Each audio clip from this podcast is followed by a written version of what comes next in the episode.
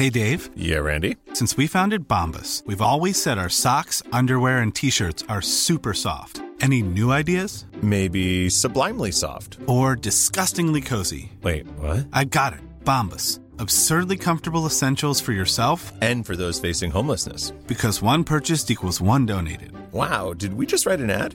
Yes. Bombas. Big comfort for everyone. Go to bombas.com slash ACAST and use code ACAST for 20% off your first purchase. I'm Sandra, and I'm just the professional your small business was looking for. But you didn't hire me because you didn't use LinkedIn jobs. LinkedIn has professionals you can't find anywhere else, including those who aren't actively looking for a new job but might be open to the perfect role, like me.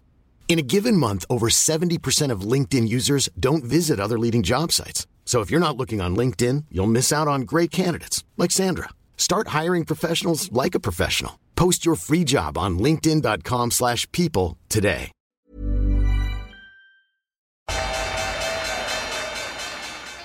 They mistook leverage for genius. Leverage for genius. I would recommend Japan. The governments don't rule the world. Goldman Sachs rules. Velkommen til Tid er penger, en podkast med Peter Warren. Jeg heter Sverre og er produsent. Dette er episode 189, og i dag skal vi snakke om skatt, selvfølgelig. Låneforskrifter, selvfølgelig. Bank of England og britisk regjering, selvfølgelig. Eh, vi rakk ikke det, vi rakk ikke det. Putin, selvfølgelig. Credit Suisse, selvfølgelig. Pensjonsfond som vakler, selvfølgelig. Tibber, selvfølgelig. Men faktisk, en av de mest interessante temaene i dag er det kommersielle innslaget vi har. Ca. en time ute i podkasten. Det var interessant. Så jeg vil anbefale deg å høre hele det. I tillegg skulle vi svare på masse masse spørsmål og svar i dag. Det hagler inn. Det kommer som en egen episode på Patrion denne uka. Tirsdag eller onsdag, tror jeg. Da starter vi. Altså, verden Verden er komplisert, og det er ting som mange snakker om, men det er kanskje én ting som er flest snakker om av alt. Og det er Kim Kardashian sin SEC-båt. det kom ett sekund før vi starta i dag.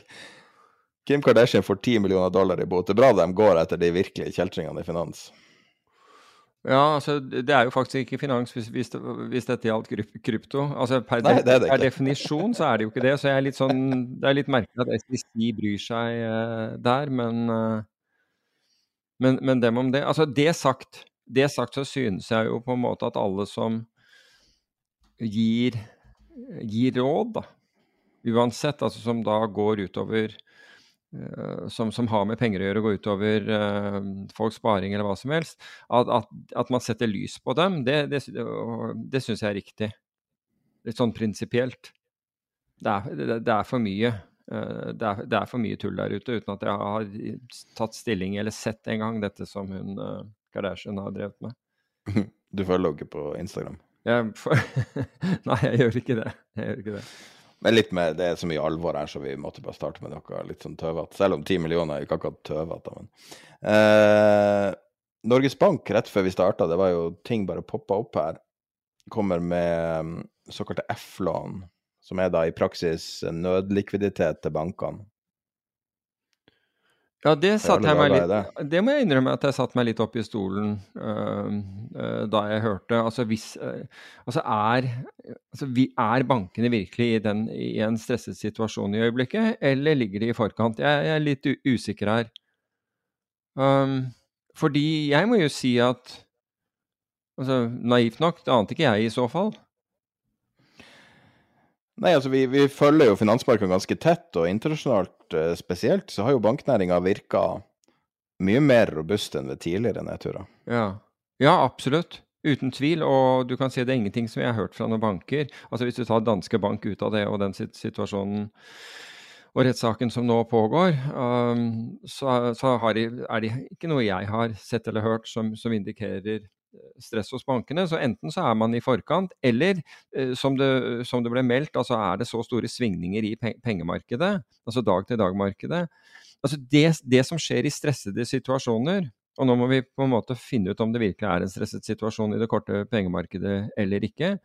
Men det som skjer, er at man blir forsiktig med å låne. ikke sant? Du har, bankene har eh, kredittrammer mot hverandre. Altså med andre ord hvor mye du er villig til å låne en bank. Og du har de fleste bankene låner i overnight-markedet, altså det veldig veldig korte markedet, Tomnext og, altså Tomorrow Next og overnight-markedet, for, for, å hele tiden ha likviditet.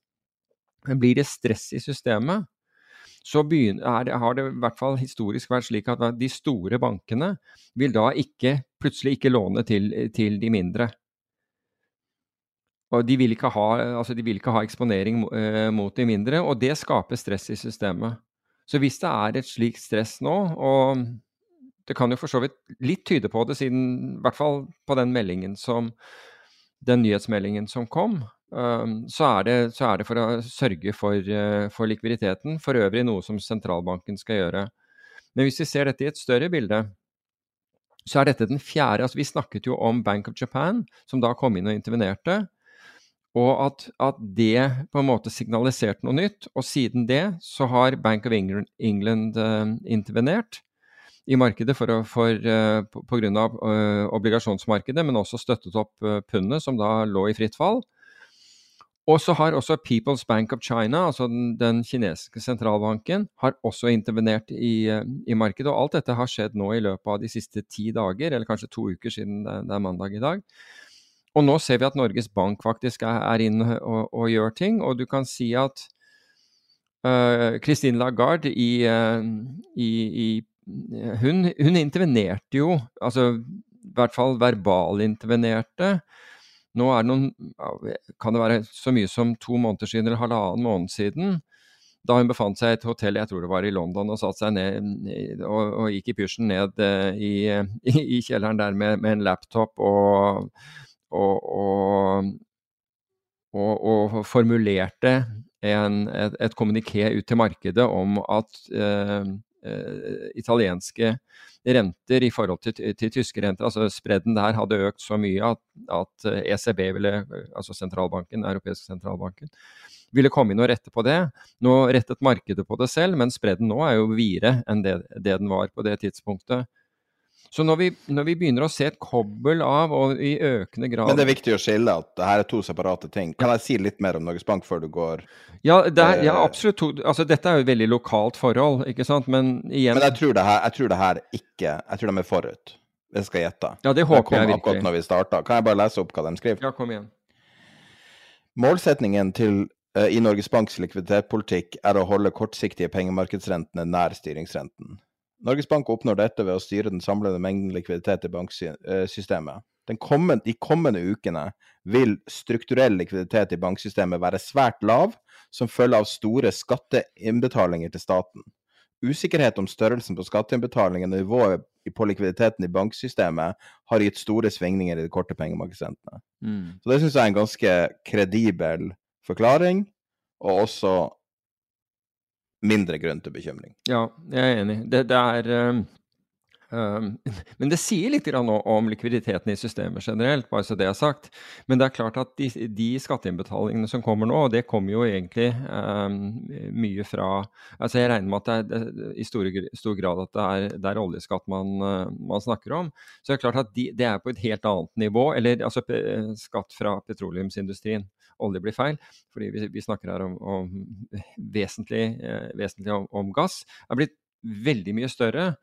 Og Derfor er det kredibelt at man har sett det at hør her, nå blir det så stort at det krever eh, et annet likviditetsbilde.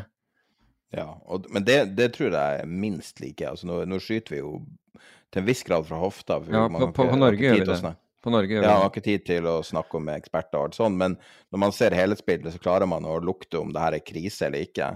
Og veldig ofte så ser sånne kommuniké fra sentralbanker ganske dramatisk ut hvis man ikke tenker, eller man ikke kjenner helheten.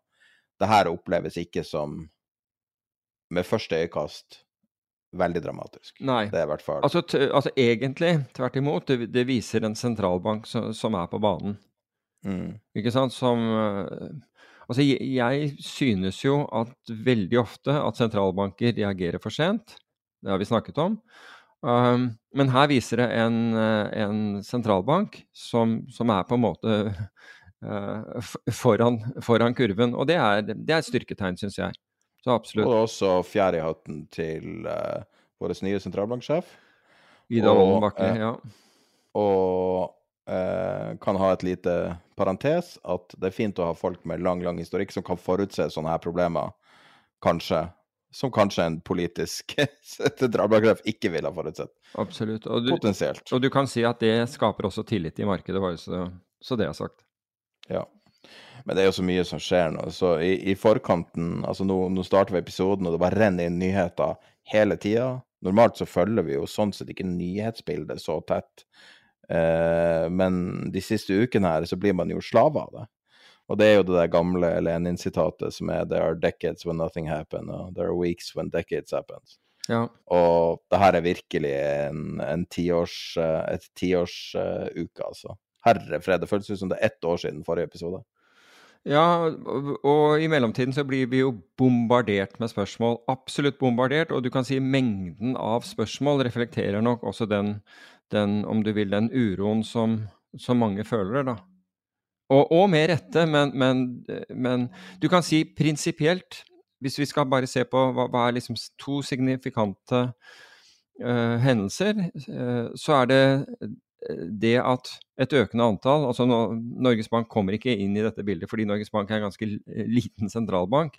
Men i forhold til altså dette med, med, Bank of Japan, Bank of England og eh, PBOC, altså, altså, Kina Det er det ene, altså det ene, ene faktoren.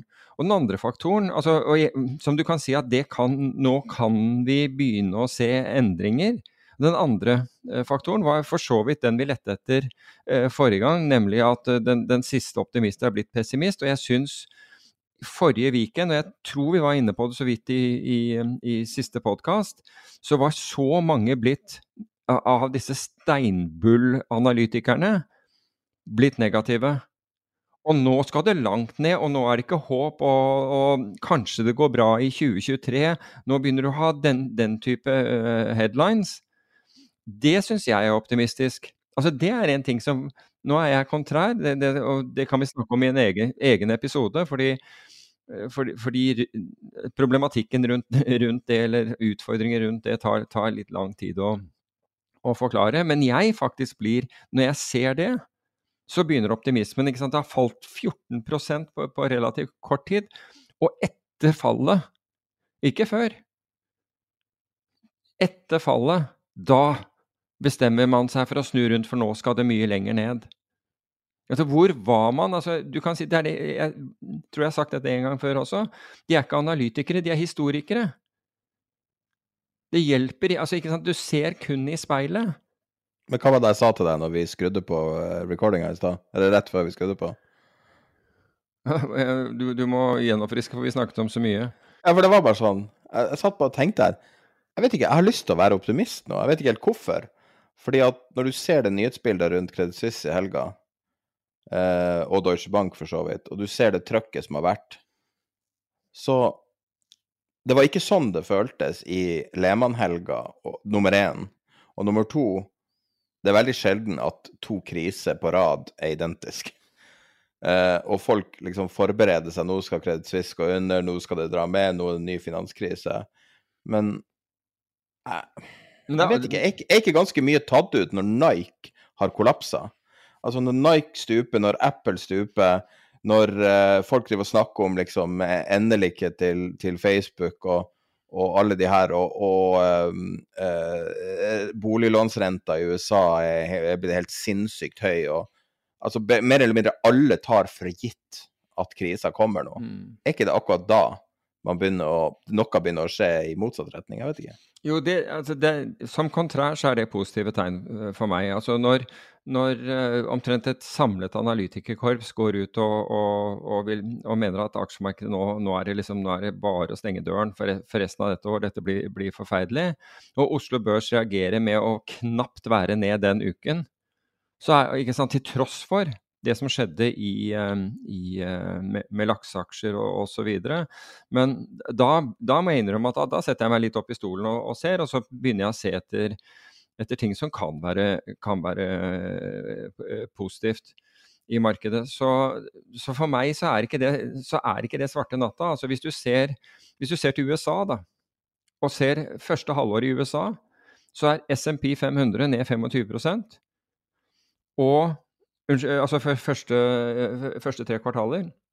Og så er, er, obligasjoner med, med, med Altså den, den ETF-en som har obligasjoner med, med ca. 20 års durasjon, eller 20 års løpetid, durasjonen er noe kortere, så den er ned 31% 31% Det sikreste du trodde du kunne investere i, er ned 31 um, Det forteller deg noe, etter min oppfatning.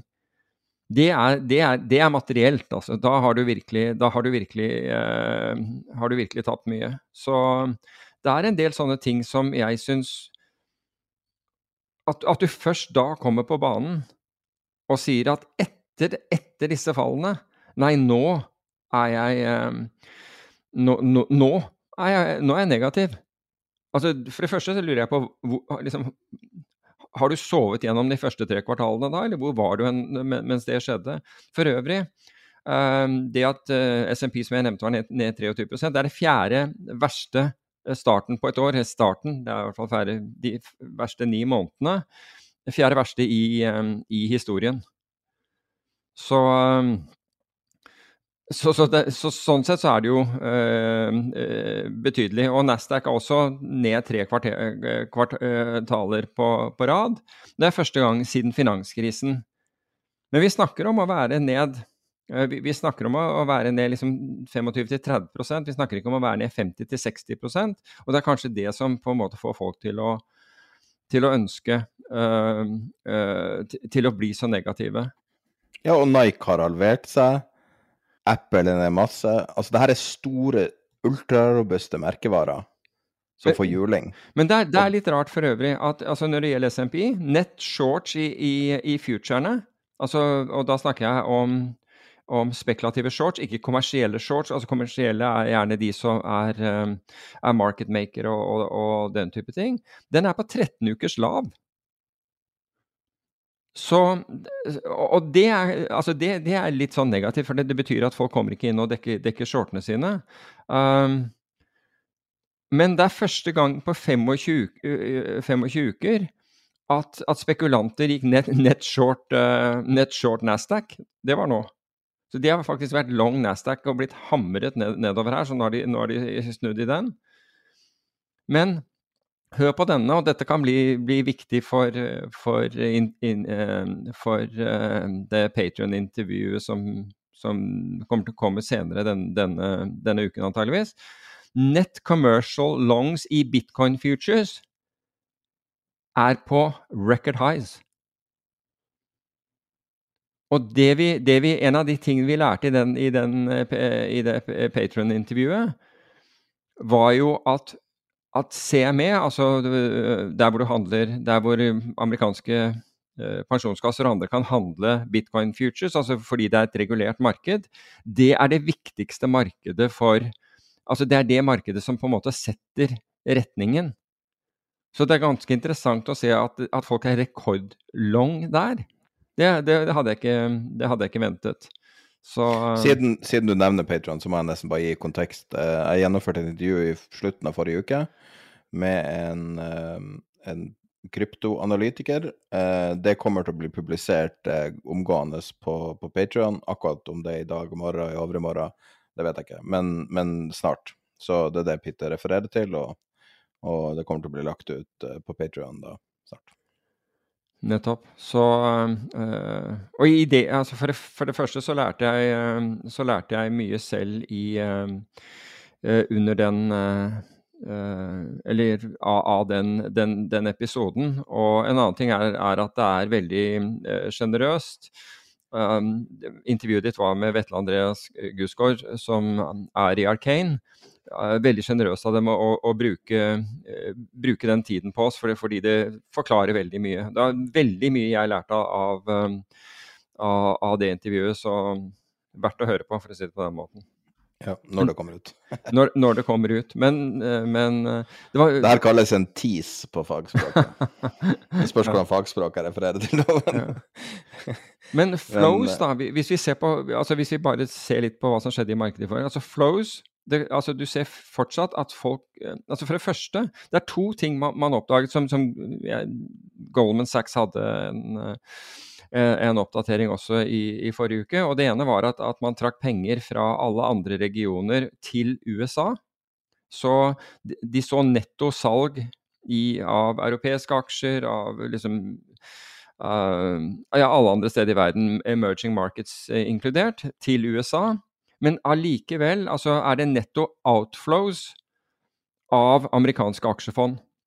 Så du kan si disse flowene som kommer inn, de blir brukt, blir brukt egentlig mer til long short-type ting uh, enn, til, uh, en, en til, å gå long markedet. Så i, i forrige uke så, så ble 11,8 milliarder dollar innløst netto fra amerikanske, amerikanske aksjefond.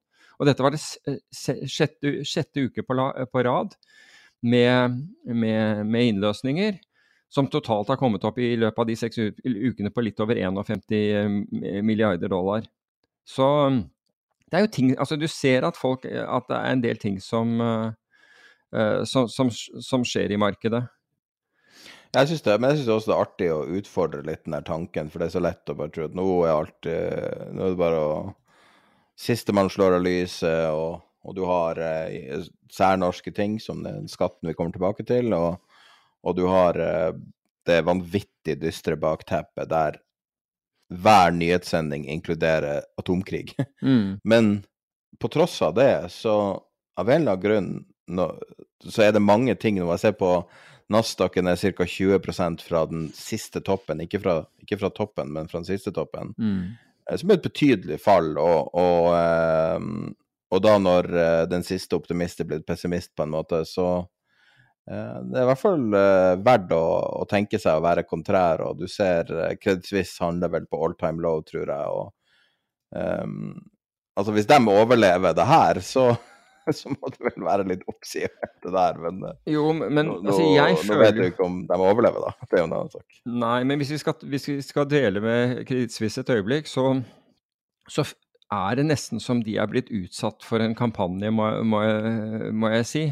Jeg tror det starta med en tweet. Én tweet. Ja, men det, jo, det starta med en tweet, og den mener jeg gikk på, på credit default swap-nivået på Credit Suisse, nemlig at det var storkjøping av konkursbeskyttelse på Credit Suisse. Bare så det er sagt, altså credit default swap-markedet, uh, som er en mulig, og, mulighet for å beskytte deg mot, uh, mot konkurs, at du beskytter obligasjoner. altså uh, mot, mot, konkurs, altså hvis du er long obligasjoner, eller du kan gå short kreditten til, til, til, til, et selskap via disse credit default-swappene, som ikke handles på børs, men handles i interbankmarkedet, bare så det er sagt. Men i hvert fall, det var mye kjøping av det, og, og årsaken til det vet jeg ikke. Men, men, det er klart at det presset prisen opp, og det ga eh, utgangspunktet for en tweet som slik jeg forstår, gikk plutselig helt viralt, og, var, og alle hadde en mening om Kreditt og at Kreditt kunne vakle. Det vi vet om Kreditt er jo at de har bommet på en rekke ting de, de, de senere årene. Og, det, det, har vært uh, En del av, av, av, ting som har blitt avdekket, har vært ulovligheter, og det har blitt straffet osv. Men det har vært men rett og slett markedsting. Sånn som Archegos. altså De var jo prime broker, primærmegleren for det hedgefondet. Eller det var ikke et hedgefond for øvrig, det var, det var et family office som gikk over ende. Og senere har det ballet på seg. Men husk nå, altså når folk Det var absolutt en spike i altså Credit default-swapene gikk kraftig opp i verdi. Det er akkurat som en salgsopsjon som går kraftig opp i, i verdi, for noen driver og kjøper den. Um, men vi er tross alt Altså, den er fortsatt på halve nivået som Morgan Stanley Credit uh, default-swapen hadde i 2011. Og det gikk greit med Morgan Stanley, og det var ikke i nærheten ja, Det er ikke sånn at CDS-investorer eller, eller dem som priser det, har noe unike innsyn. Altså, det er jo den kollektive price discoveryen som finner ut av det, men det er jo ikke noe unike innsyn. Nei, det er ikke unikt. Altså, det, sånt vet man jo aldri, ikke sant? akkurat som du ikke vet det med aksjer. Men, men med en gang noe sånt noe skjer, altså når det plutselig hopper, ikke sant? Altså når plutselig det er kjempeinteresse for salgsopsjoner på et selskap, så begynner det å gå spekulasjoner. Hva er det noen vet, noen som, som ikke jeg vet? Det er en sånn typisk reaksjon. Og fra denne her så syns jeg den har spunnet helt ut av, ut av, kontroll. Jeg kan si, jeg vet hva som skjedde, nå kom jeg på det. Det var en, en melding som kom ut fra CEO-en for helga, som sa at uh, september kom, nei, oktober kommer til å bli en tøff måned. Ja. Og, og, så sier han Og så har det vært De siste ukene har det vært sport i å, å le av Credit Suisse. Vi har jo sjøl gjort det i podkasten, at liksom hver gang det er drama, så er alltid Credit Suisse blanda inn i noe, uansett hva det er. Eller Deutsche Bank. Ja, og det er Deutsche Bank Credit Suisse får gjennomgå igjen. Men det her lukter ørlite grann som en drittpakke, altså. Det er et kjent fenomen i, i finans at uh, folk får gjennomgå uh, litt organisert. Og jeg er ikke sikker på at det her For det første så tror jeg ikke Credit Suisse kommer til å gå under. Uh, og det fortsetter jo å trade i dag og, og, og, gå i dag. Hadde det vært så vaklevorent som, som det blir lagt fram, så ville det ha, ha gått under i helga, sånn Lehman Brothers-style. Men aksjen trader ned, men, og er ned typ 93 eller noe sånt for toppen. Men jeg kjøper det bare ikke. Nei, altså for meg så, så, virker det Det som slo meg, var at dette Altså når jeg så den flowen over bl.a. Twitter, så, så, begynte det å ligne mer og mer på en dritt, drittpakke. Også for det kom fra så per... Altså, disse ryktene kom jo liksom fra Australia, og det var liksom Det var helt voldsomt. Ja. Ja, ja, ja. Det var, det var en australsk journalist. Nettopp. Ikke sant? Det virker jo Really? Liksom, OK. Ja, altså Vi gjenga det på Twitter-kontoen fordi det var en medieorganisasjon som, som meldte det. Ja, nettopp. Her... Så retweeta den. Eh, fordi Hvis ikke så ville jeg tenkt at det er bare en eller annen tulling som prøver å få shorten sin til å bli mer verdt. Altså Her sitter det en kar i Lotus-stilling på, på, toppen av Ayers Rock og, liksom, og, og, har liksom innsikt i Credit Suisse. Er, er, jeg sikker? Nei, ikke helt sikker på det. At, at liksom det er, det er... Hva du mener spanske aviser ikke vet noe om russiske atomubåter? For eksempel. For eksempel så tror jeg liksom uh, hadde vært, vært norske aviser, så skulle jeg tatt det på en helt annen, med et helt annet alvor. Ikke fordi man er patriotisk, men pga. Ge geografisk lokasjon og, og, og, og sensorer. Men, uh, men, jeg vet ikke. Og det er jo også veldig med, viktig med kildekritikk. Altså, det er noe, jeg vet ikke om vi snakker om det ofte, men det er jo Altså, det er så mye feilinformasjon på en daglig basis i finans som blir gjengitt. Og det er så mye rykter, og det er så mye sjalusi, og det er så mye planta historier. Så man må være utrolig forsiktig med hva man går for. Ofte er det jo greit å vise til organisasjoner som Bloomberg og Financial Times, fordi at de har høy standard for å trykke ting. Ja. Som f.eks. med det tyske selskapet Wirecard, um, som der de sto imot strømmen og, og ble, og ble uh, mistenkt veldig, men det viste seg at de hadde rett. Mm. Mens jeg vet ikke helt hvordan det er med ABC News i Australia, hvordan rykker de bak? Jeg kjenner ikke Nei, jeg vet ikke jeg heller, men, men, du kan si at vi er Altså, i kommunikasjonen mellom deg, deg, og meg, så er det jo stadig den der når en eller annen har et eller annet, eller, eller vet noe og, mener at noe er unikt, så er det jo nettopp at vi spør om second sourcing. ikke sant? Har vi, har vi noe kilde, uavhengig kildebekreftelse på dette her? Og så er det det og det er, det, dette er det samme som alle, eller, det, som, alle, eller som avisredaksjoner sikkert uh, utsettes for hele tiden. Det forsøkes å plantes ting.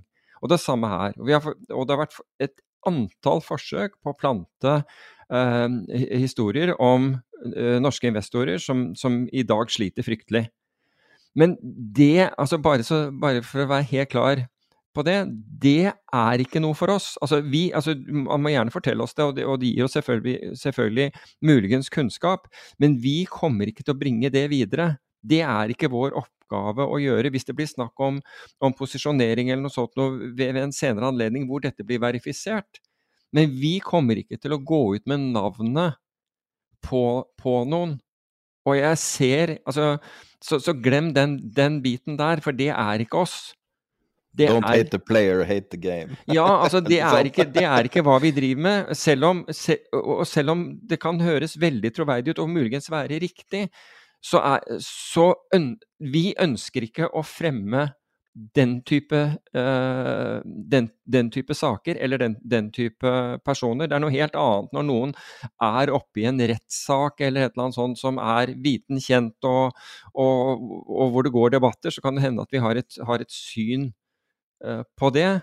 Men vi vil ikke Vi, vi breaker ikke uh, i anførselstegn nyheter om en, eh, om en norsk investor som, som har problemer, selv om, selv om, det er riktig, for å si det på den måten, så er ikke vi den det organet, hvis vi kan kalle oss det, uh, som, som, som, ønsker å breake sånne nyheter, bare så det er sagt. Ja, nei, og, og, det er jo også greit å ha. Vi har jo egentlig aldri presisert at det her er ikke journalistikk. Og vi har, vi har sagt fra oss der folk prøver å, å plante storyer eller fortelle breaking news av ting der vi har valgt å, å ikke ta det med. Vi hadde jo en, et intervju med en utenlandsk eh, karakter som vi valgte å klippe en, et spørsmål fordi at vi, vi, kunne ikke, vi, kunne ikke, verifisere det, og det var så kontroversielt det han sa at det var bare like greit å klippe det. En, jeg tror ikke en avis ville ha gjort det samme, men, men vi, er, vi, er, ikke, vi er ikke journalister. Vi gjør ikke vår, den type Ofte gjør vi research i media, eh, eller egen research, men, men jobber på en helt annen måte. Så det her er mer Hvis man skal sammenligne det med en avis, så er det nærmere kommentering enn noe annet. Så um, Ja, absolutt. absolutt. Og hvis vi noen gang skulle ha hatt en avis, noe som vi absolutt ikke har planer om, så ville det vært tydelig merka, men uh, det, det, er veldig viktig sånn presisering. Fordi, og når det kommer til Credit Suisse, f.eks., som ble gjengitt på Twitteren, så var det nettopp fordi at det var en organisasjon med tyngde bak det. Um, og det kunne ha vært en annen troverdig kilde. Det trenger ikke å være en medieorganisasjon. Mm. Men, uh, men, som regel så glir de her tingene hus forbi. Det er jo lettere å snakke om noe i Sveits enn det å snakke om noe i Norge, selvfølgelig. Absolutt. Og da kommer vi jo naturlig til neste eh, punkt. det, vi, vi, skulle kanskje ta det første, første punkt, punktet om disse Eller det var kanskje det du tenkte på? Om, om, de to tweetene jeg hadde i helgen? Ja, det var det og, og skatt og hele sulamitten. Det er tidenes debatt der folk lager tidenes stråmenn, og det er så mye vinklinger og innfallsvinkler på det her. Du kan fortelle hva du hadde på Twitter, da. Ja, altså hvis, hvis, hvis, vi tar utgangspunktet i, um, i, den, skal jeg nå skal jeg bare finne den, den, den tweeten, så, så, var det jo på basis av det, det rett og slett krakket som Altså det må man få lov å kalle det når ting faller 30% eller mer. Altså i, um, i, i sjømat- eller lakseaksjer i, i forrige uke. Uh, hvor jeg sier sjømatverdier på Oslo Børs viser til et chart som, uh, som, DN hadde lagt ut. Skapt over mange år av hardtarbeidende gründere, ødelagt av politikere da de kom tilbake fra 15 ukers sommerferie. Det er deilig å være norsk i, i Lugano. Um, greia med den der, det jeg syns den virkelig viste, og på en måte til en uh, til, til, en skremmende grad, er hvor Er rett og slett liksom følelsen av velstandsskap i, i Norge. Og det jeg ønsket egentlig å si med den der tweeten, det er at den er, er å, å, sette lys på den politiske risikoen som dette som dette viste, ved å investere i Norge. Det er politisk risiko både for eh, altså de 26 000, hvis, hvis det er riktig som Lerøy sa, det var 26 000 eh, investorer i, i Norge som, hadde, som, som eide deres, deres, aksjer. Og som da hadde, altså som opplevde et kraftig verdifall, i hvert fall på den delen av porteføljen. Men også for internasjonale investorer. Så, så ikke sant, de Altså, det blir en Plutselig så øker den politiske risikoen ved et land som de, man egentlig synes er, er uh, har veldig lav politisk risiko. Hvis du ser på økonomisk risiko også, hvis du ser på norske CDS-en, så er den bl.a. en av de laveste priste CDS-ene i, uh, i, verden. Jeg tror Danmark er faktisk priset lavere, gud vet hvorfor.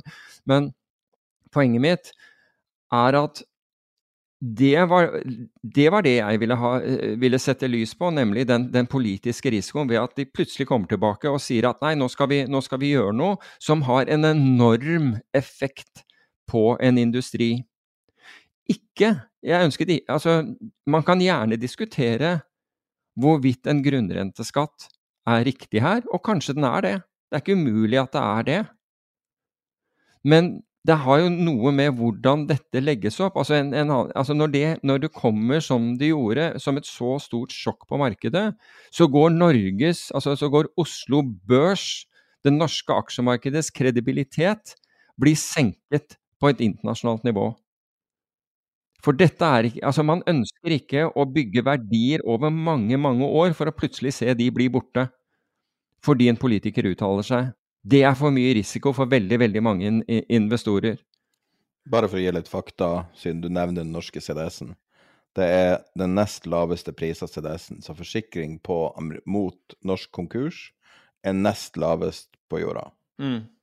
Eneste lavere er overraskende nok Nederland. Å ja, var det Nederland? Jeg, jeg mente jeg så Ser du på femåren nå? Eh, fem år. Ok, for jeg, jeg, jeg syns jeg så at Danmark var lavere, så det er derfor jeg Passert Norge nettopp. Å, gjorde den det? Ok, da Sannsynligvis. Jeg vil gjette kanskje den der, det som skjedde i eh, Nordsjøen kan henge med. Du vet aldri. hva Ja, det, det er mulig. Det er mulig at uh... Jeg kan legge med liste over det i nyhetsprøve. Men altså, hvis, hvis man, altså, det er mange måter å diskutere dette og jeg så det ble ekstremt eh, emo, emosjonelt hos noen. Og da dreier det seg om velstandsgapet. Og for så vidt misunnelse, men det, den kan være justified, det er ikke det jeg sier. Men jeg, jeg ikke Jeg forsøker ikke å, å, å, å dømme den. Men det er helt klart at velstandsgapet Altså når vi har sett på, på, på noen tall i dag, og for å komme med på Kapitals 400 rikeste personer, så må du, så må du nå ha en formue på 1,2 milliarder. Vi har sett på disse, disse tallene litt uh, i, i sammenheng, og hvis du ser tilbake til 2020, så har Altså for å komme inn på eh, Kapitals liste, for i det hele tatt komme med på denne 400 rikeste, så, så må formuen din ha gått opp med over 40 Det er helt sykt. Det er jo helt sykt, ikke sant? Det er, Snakk om inflasjon. Folk lurer på hvor inflasjonen er. Der er den. ja, der er, der er inflasjonen. Så det er opplagt at, det er blitt, at noen mennesker er blitt litt voldsomt, voldsomt rike i Norge. Det, det er det ingen tvil om. Og det velstandsgapet, det er helt tydelig at det føler man nå på.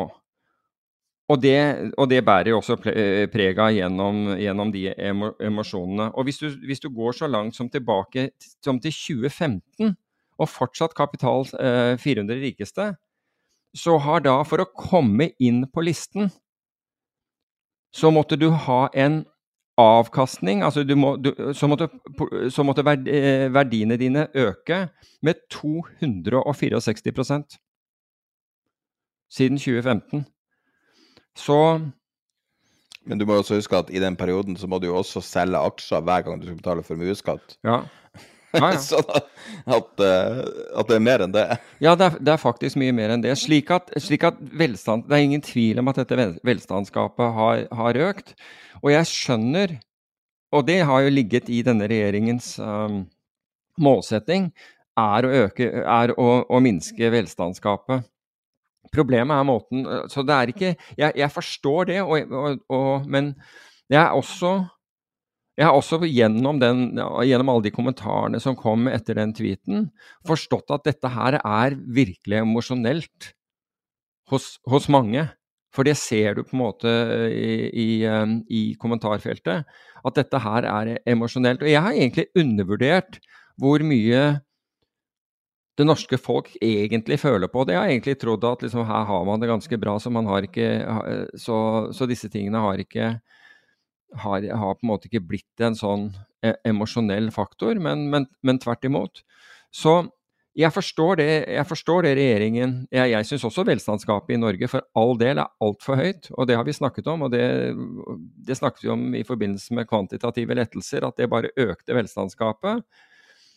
Slik at no, noe, måtte, no, noe må gjøres.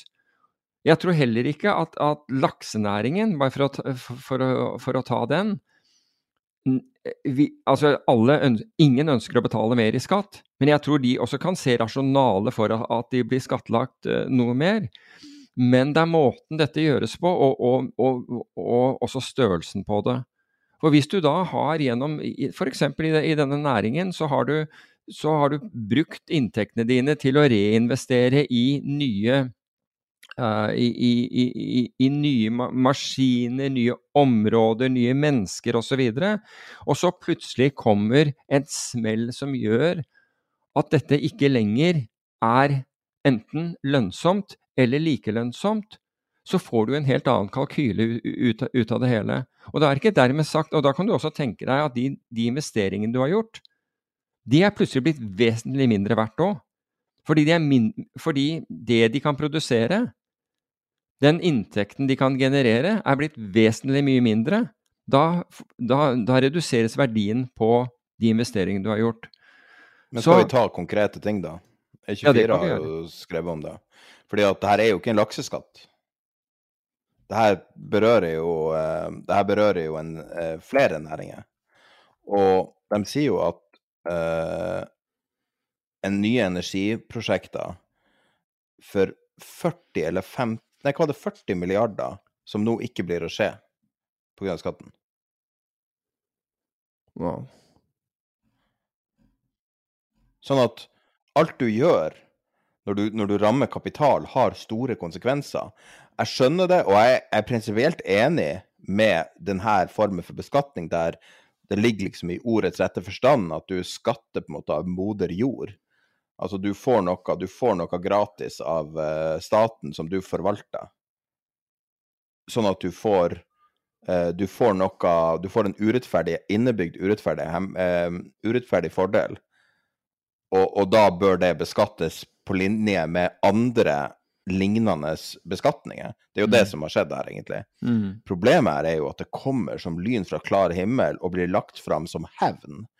Mer eller mindre hevn mot Vitsø et al., liksom. Ja. Og, og, og det, er jo, altså, det, er jo, så motbydelig. Altså, for det første så er det jo altså, Man må jo ikke glemme at det er en arving som sitter som statsminister. En veldig, veldig rik arving. Eh, som har fått servert noe i, i fanget sjøl. Og, og, jeg vet ikke om det påvirker perspektivene hans eller ikke, men jeg syns bare det er en interessant faktor. Jeg tror du blir mer påvirket av at du aldri har hatt en jobb i næringslivet. Ja, det kan også være, men det er den der forakten som er innebygd i det, som jeg tror mange i næringslivet reagerer på, og jeg tror at mange tenker dæven, jeg gleder meg til å flytte fra Norge. For denne uforutsigbarheten, den klarer jeg ikke å leve med. Og den forakten som er i alle debattene, og det er bare det er bare ha, det er så mye hat i det. Og hvis du ser på, liksom går tilbake til noen sånn tidligere debatt i lignende tematikk med Kjell Inge Røkke, og ser liksom at Kjell Inge Røkke sier han har 10 milliarder i skatt. Mm. Og så tenkte jeg hva han bidrar med. Han har så uendelig mange ansatte under seg, og, og det gjelder jo alle de her bedriftene. Og det er det at jeg er helt enig med beskatninga, men jeg er dypt uenig med hvordan det er gjort, og timinga er suspekt. Og jeg må bare si at halvparten går vel til kommunene også, og vi går jo inn mot kommunevalg. Mm. Det er jeg skal ikke si at det er en konspirasjonsteori at dette er gjort for å påvirke det, men kommunene vil nå plutselig få veldig mye å rutte med.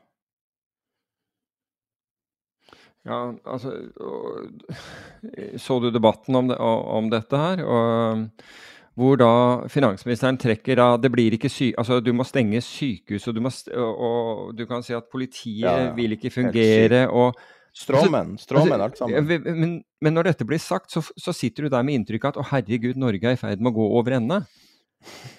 Men så ser du på inntektene fra olje og gass, og så ser du at Norge Det spruter inn penger! Det har aldri kommet inn så mye penger. Og så står, eh, står finansministeren og sier at ja, her, altså hvis, vi tar, hvis vi ikke tar fra disse, disse milliardærene midlene, så må vi legge ned sykehus. Altså, with a straight face. altså det er, det er, den biten der. Men jeg er også helt enig. i Det er jo hersketeknikk. Ja, det er jo ikke, jeg, vet at, jeg vet at det er det, men jeg, Det er ikke en legitim diskusjon. Og så er jo oljefondet, man kan ha det i bakhodet, ja. at det er 12 000 milliarder akkurat nå. Så, altså, jeg tror Norge har noe å rutte med. Men det betyr ikke at man ikke skal bli beskatta for ting. Men, men det er du kan, du kan droppe forakten, du kan droppe et hånflire når du står og forteller om det her. Altså, å være næringsdrivende er, er en vanvittig belastning. og man kunne jo av og til ha hylla de her folkene her, men uh, jeg vet ikke. Går det ikke an en eneste gang å gjøre det? Noe altså, jeg ville tro, altså for å være ærlig, jeg ville tro at man kunne innføre eller, eller komme med ordninger her sånn som på en måte tilfredsstiller at man, man får eh, økte inntekter uh, fra denne næringen, uten uten at det får dramatiske konsekvenser på, uh, på, på, på verdien av den næringen.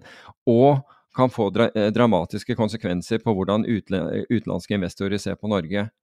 For altså, et bingoland, det er det ingen som investerer i, rett og slett. Det er for stor politisk usikkerhet. Da, da, skal du ha rabatt, for å si det på den måten.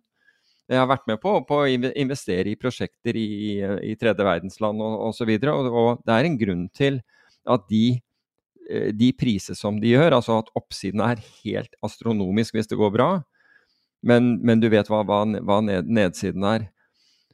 Og, så vi må jeg, jeg, det, tar liksom, det tar så lang tid å bygge opp tillit. Og så blir den ødelagt på den måten eh, i, i finansmarkedene. Ser norske, også norske fond sier vet du hva, nei, vi, de, de, putter ikke penger inn der. Vi, altså etter det der så putter vi ikke penger inn der. Vi, vi ser til andre markeder for, for, å, for å, putte inn i, i, samme næring. Altså andre land.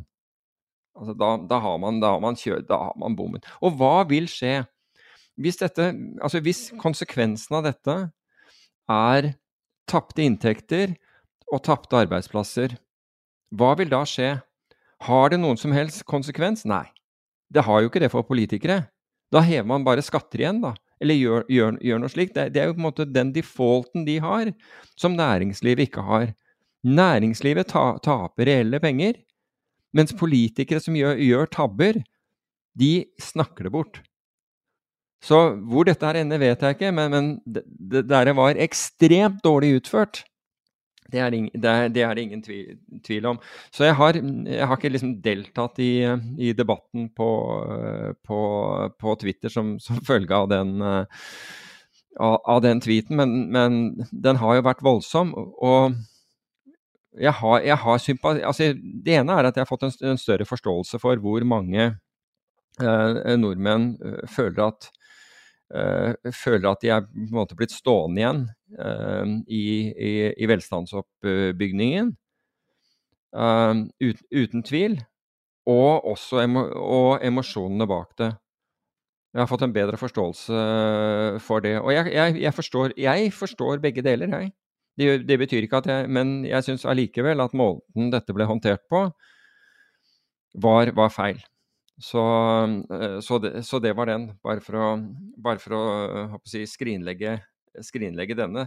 Så var den andre, da bare gjenga jeg Det er litt morsomt, for, det, for dette, dette, er også noe vi har snakket om. Hva er det du ser når du leser eh, ting? Og dette var Nasim Taleb, som, var, som ble intervjuet av DN etter, etter Oslo Business Forum. Og Inni der så sier han bl.a. at ingen som har begynt å investere etter finanskrisen i 2008, vet hva finans er. Alle som har tjent penger på finans de siste 15 årene, har gjort det fordi de er inkompetente, er Talebs spissformulering. Og så var, var overskriften til DN altså, Riktignok eh, Nasim eh, snakker lite om bitcoin, men han snakker noe om bitcoin. Men allikevel så, så eh, var overskriften til DN bitcoin er en kreftsvulst. eh, sier risikoekspert. Og jeg retweetet, um, jeg retweetet den der med, med, det sitatet, men 90% av kommentarene som fulgte det, hadde ikke med at, at, at folk var, følte seg inkompetente som var kommet til finansmarkedene og mente at de ikke var det. Det dreide seg om bitcoin-utsagnet til Taleb. Er, og Vi har snakket om dette, her, eiendom, bitcoin, og så husker jeg ikke hva den tredje var. Jo, Tesla. Det, må, det, det skal man være utrolig forsiktig med å, å, å, uttale seg om. Men det er jo en interessant Og dette, dette var jeg så vidt borti i samtalen med, med Nasim på, på Oslo Business Forum. fordi han var veldig, altså Allerede på forhånd, da, da vi snakket sammen, så hadde han tydelig mye på hjertet når det gjaldt uh, bitcoin, og det, var ikke, og, og det var ikke av en positiv karakter. Så jeg, jeg avventet til vi hadde diskusjonen på, uh, på under, Oslo, under, Oslo, Business Forum, hvor han da begynte å, å, å, snakke om Eller jeg ga han adgang til å snakke om bitcoin helt på, helt på slutten, og hvor han dundrer på. Men du skal bare tre år tilbake og dette er takket være uh, Vetle som, som uh, i Arcane som, uh, som, som, sendte meg data på dette. tre år tilbake så skrev Nasim forordet til en bok av en annen libanesisk forfatter som nettopp var positiv om bitcoin.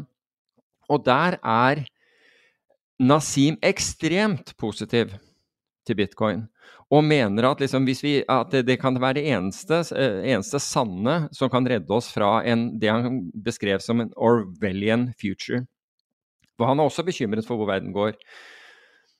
Det som det som imidlertid har skjedd i mellomtiden, men som ikke behøver å være årsaken til at han har flippet fra å være positiv til at han er negativ, var at han røk uklar med denne forfatteren. Den libanesiske forfatteren. Men det er liksom litt påfallende at det skjedde på samme tidspunkt. Og siden det så har han dundret på, riktig eller galt, det vet jeg ikke, det får være opp til han, eh, mot, eh, mot uh, bitcoin. Men eh, Så det, det, er litt av Det er litt av bakteppet til, til på en måte hans frustrasjon over, over bitcoin. Og han mener at det er verken unik teknologi, kryptografi eller noe som helst annet, men, mens, mens, jeg tror det var Harari, og nå er jeg usikker, fordi jeg, eh, jeg må gå i notatene mine, så nå tar jeg det litt ut, ifra, husken, som mente tvert imot at bitcoin og, og si, kryptovaluta ville overleve ene og alene fordi det var så mye kompetent hjernekraft som var involvert i det. Så han mente at det er så mange sterke hoder, og, nå snakker vi ikke om, om økonomi, nå, nå, snakker vi om smarte mennesker, som jobber med, med, med denne tematikken og problematikken, at, at, det kunne ikke bli annet enn en, en, en, suksess. Nå definerte han ikke suksess, men, men, men han mente i hvert fall at dette ville være eh, det, dette ville være noe, i, uh, noe for fremtiden. Og jeg må innrømme at liksom ydmykt nok, og ikke fordi jeg liksom er sånn pro bitcoin, jeg er faktisk pro altså jeg er veldig, jeg er pro uh, blokkjeden og tror at den, den har, absolutt har mulighet. Og jeg liker også eh, desentralisert eh, finans ut fra, fra flere eh, perspektiver. Men når, når, nok smarte mennesker jobber med et problem, så blir det løst. Det er min oppfatning. Da tror jeg det blir løst. Hva ut, utfallet blir, det vet jeg ikke. Men jeg tror at man vil lage noe positivt uh, ut av det også. Så det var, det, det var, historien om de to, to eh, tweetene. Ja, da er det på tide med et sponsa intervju som jeg har gleda meg lenge til. Uh, jeg har eh, bitcha og mast på Brynjar Ellingsen i Fixed Rate. Eller ikke mast så mye, da. Jeg snakka om at jeg hadde så lyst til å, å, vise fram hans produkt og fortelle om det. Mm. Det høres så uendelig kjedelig ut og så er det så bra. Vi snakka i 42 minutter i stad, og jeg syns det var en fengslende samtale. Og temaet er innskuddsrenta. Og de har klart Fix Rate heter selskapet. De betaler for denne tida. Det er det vi kaller et sponsa intervju. Det betyr at de betaler for måte, tida, men samtalen er ekte. Det er noe vi uansett ville ha ønska å snakke om, som i dette tilfellet eh, der vi flere ganger har diskutert og, og ønska å presentere det. Sånn at eh, det eneste som, eh, som, er grunnen til at vi har de her sponsa intervjuene, er for å vi vil ha veldig klare insentiver. Det er vår insentivstruktur. Og så kan vi ta god tid til å, å, snakke med han og forstå produktet. Og jeg trodde jeg skjønte det produktet før vi starta. Jeg skjønte det ikke. Men kort fortalt så de det gir de deg høyere rente på innskudd hvis du er et selskap. Det er vel eh, tre sekunders pitchen på det. Nå har du, Peter, nettopp hørt gjennom intervjuet. Hva du syns ja, så jeg, jeg, må jo si at jeg var jo en av de som var pådriveren til at vi skulle, at vi skulle ja, intervjue dem.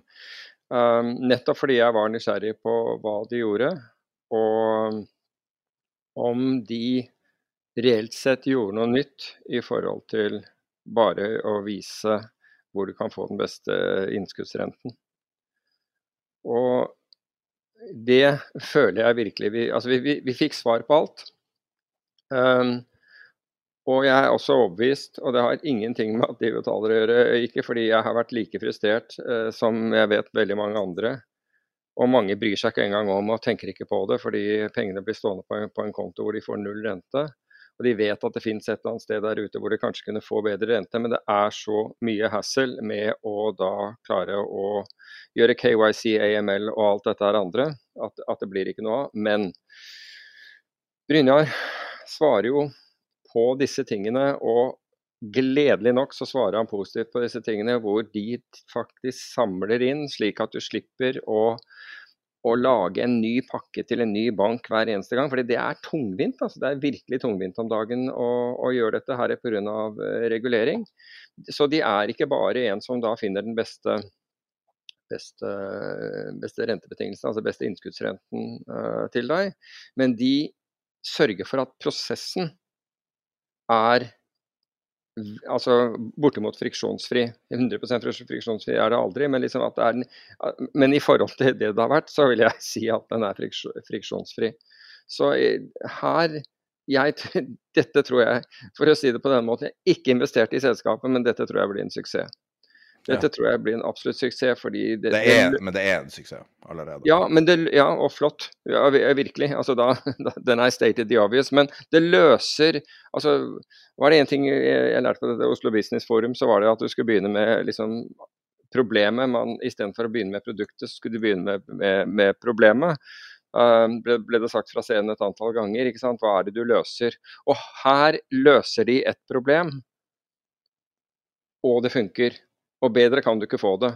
Og når, når du hører at pengemarkedsfond og børsnoterte selskaper og andre bruker disse, da vet du at, at, dette fungerer. Så, så, så, enkelt er det.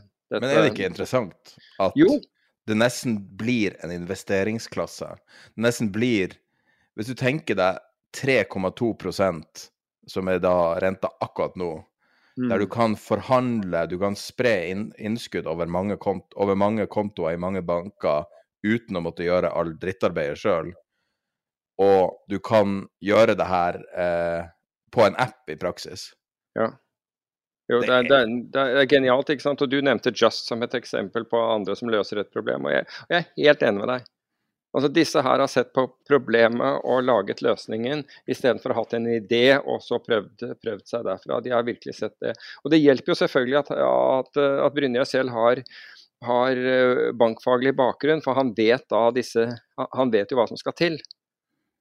Så, så nei, jeg, eh, dette, det var interessant, og jeg kommer sikkert til å bruke det på den måten. ja, du blir kunde sjøl? Ja, det tror jeg. Altså gjennom selskapet. Men det, det, ja. dette, er ikke, bare si, dette er ikke betalt for å, for å si. Men, men, dette løser et problem. Jeg har, liksom, jeg har, tenkt på dette her et antall ganger og vært frustrert. Og det er som du sier, du ringer banken jeg, Nei, liksom vi har Renten er 0,15 eh, den. Right. OK. Og så hører du et annet sted, så, så du betalt, får, får, du betalt 3% Vet du hvordan det her faktisk intervjuet ble til? Nei.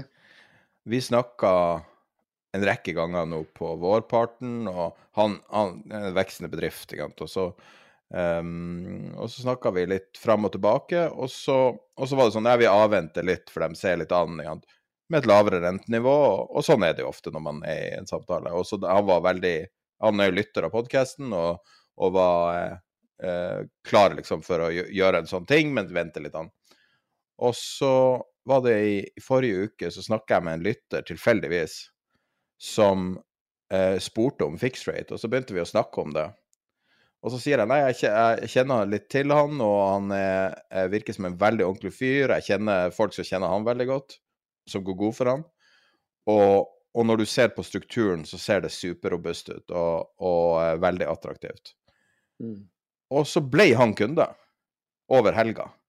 Oi. Eller før helga og, og skrøt så fryktelig mye av det. Og, det, og hadde, hadde snakka om at han hadde fått så utrolig dårlig rente i uh, en stor norsk bank, og blitt behandla så dårlig og blitt hunsa rundt med. Går der, får rundt 3,2 eh, rente, må kun låse opp pengene i 30 dager i den avtalen. Det er forskjellige avtaler som du går inn på. Og skrøt av kundeservicen og skrøt av alt. Så sånn mm. det ble til. Det var en lytter som snakka om det, så tok jeg kontakt med han igjen. Snudde vi oss rundt fort. fikk vi gjennomført intervjuet i dag morges, og her er vi. Ja, nei, det, det er kjempebra. Det, det, jeg skal si Det eneste jeg syns er synd med dette, her, det er at jo flere, jo flere som oppdager det, det, mere, altså, det, mindre kommer bankene til å like det, og mer kommer de til å presse på på en eller annen måte. Fordi, eh, fordi dette her, det, det flytter penger. Nesten for bra. ja, nett, ikke sant? ja, ideen er, men ideen altså Jeg bare angrer, angrer egentlig og liksom eh, slå meg bakhodet litt fordi jeg ikke rett og slett gjorde noe selv, gjør selv med dette. For jeg, dette, dette, har vært et, uh, dette har vært et problem som har sk vært skreket etter å bli fikset i uh, in decades, som de sier. Ja. Jeg tror ikke det går an å få noe særlig bedre endorsement enn det, så jeg tror vi bare går i gang med intervjuet. og um, Det første spørsmålet som jeg stiller, er klippa bort, men i praksis er det hele, han har fått markedet på en måte i fanget nå, der rentene har steget og usikkerheten rundt banker øker, som betyr at å splitte opp over mange banker vil være veldig fordelaktig. Um, så han svarer litt på om, om timinga var tilfeldig, eller var noe han forventa skulle komme. Nei, altså Vi har jo vært Vi var jo klar over at de årene etter eh, altså Vi satt jo også og så på at eh, Nyboren, altså pengemarkedet, gikk rett i dass. Eh, når, når koronaen kom og når eh, Norges Bank kutta rentene. Og da eh, klødde vi oss i hodet. Ja, hvordan blir det nå med nullrente? Så at renta skulle opp igjen før eller siden, det, det så vi jo. Altså, det er jo naturlig. Det må jo bare skje. Eh, det er jo en naturlig del, en naturlig effekt. Man skal jo ha en, en, en rentesituasjon over tid som ligger på en normal, ikke sant. Ja, hvis du spør våre lyttere, så tror jeg du får et differensiert svar på, på hvordan ting burde være. Men nå, man kan jo si at hvordan ting er nå, er jo ja. at det uh, definitivt går i den retninga, retning av en 5-6-7% rente, som det har vært det historiske snittet. Ja, og det er vi jo spent på om vi får det. det spørsmålet er jo om at det er tatt for mye Møllerstran, ikke sant. Men det er jo en helt annen, det er jo en stor diskusjon. Men spørsmålet er jo hvor fort får vi bremsa inflasjon osv.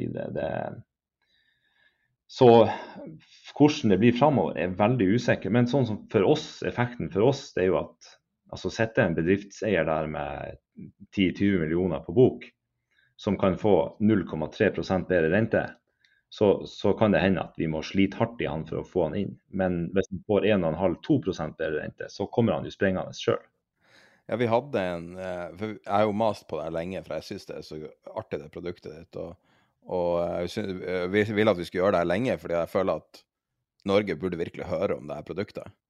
Men det interessante er jo at fra vi snakka første gangen til nå, bare den endringa, så er det jo drastisk renteoppgang ja. eh, på deres produkter. Jeg mener å huske at det var sånn 1,5, eller kan det stemme det? For relativt kort tid siden. Ja, hvis vi går litt lenger bak, går til eh, sommeren 2021, så var jo Nibor 0,19% så fikk kundene kanskje 0,2-0,3% oppå der. Så det var på sånn 0,4-0,5% rente. Og nå får du 3,2, eller ja, jeg har ikke sjekka akkurat i dag, da, men eh, så det, det, har jo vært en stor endring. Og også fra i sommer, egentlig, så har jo Niboen gått ganske kraftig opp. Så prosentene kommer jo fort her. Eh, og det er klart at da blir det sånn natt og dag-effekt for oss. Ja, og da blir det jo også på en måte Altså Det er kanskje litt flåsete å si det, men det blir nesten som en ny investeringsklasse, eller en ny, gammel investeringsklasse, der eh, å, å, hente 3 rente, om så bare for å kjempe mot inflasjonen, kan ha såpass stor betydning på bunnlinjen til en bedrift at, ja. at, det er signifikant. Absolutt. Og, og her er det jo forskjellige typer midler som plasseres også. Og jeg kan jo, hvis jeg får lov, ha en ørliten historie om vår egen bedrift, Fixrate AS. For Det er jo også en bedrift oppi det her. Og Vi har jo noen noe penger på bok som står der for å, å, eh, ja, som skal brukes på å utvikle bedrifter. da. Um, og her satt vi en dag og, og kikka på likviditeten og så på utviklinga. Så sa jeg til han som sitter med regnskap at eh, Søttan, vi har jo penger på bok, vi burde jo ha plassert i bankinnskudd. Altså gjort noe, gjort noe med de. Og det viste seg at vi kunne jo tjene 150 000 på å flytte de der få millionene våre. Og det er jo helt eh, vilt, sant. Vi, vi sto jo typisk sånn som kundene våre gjør, med pengene på en driftskonto, eh, bortimot nullrente, og så kunne vi få 3% 5 millioner ganger 3% jo det var 150 000 i året.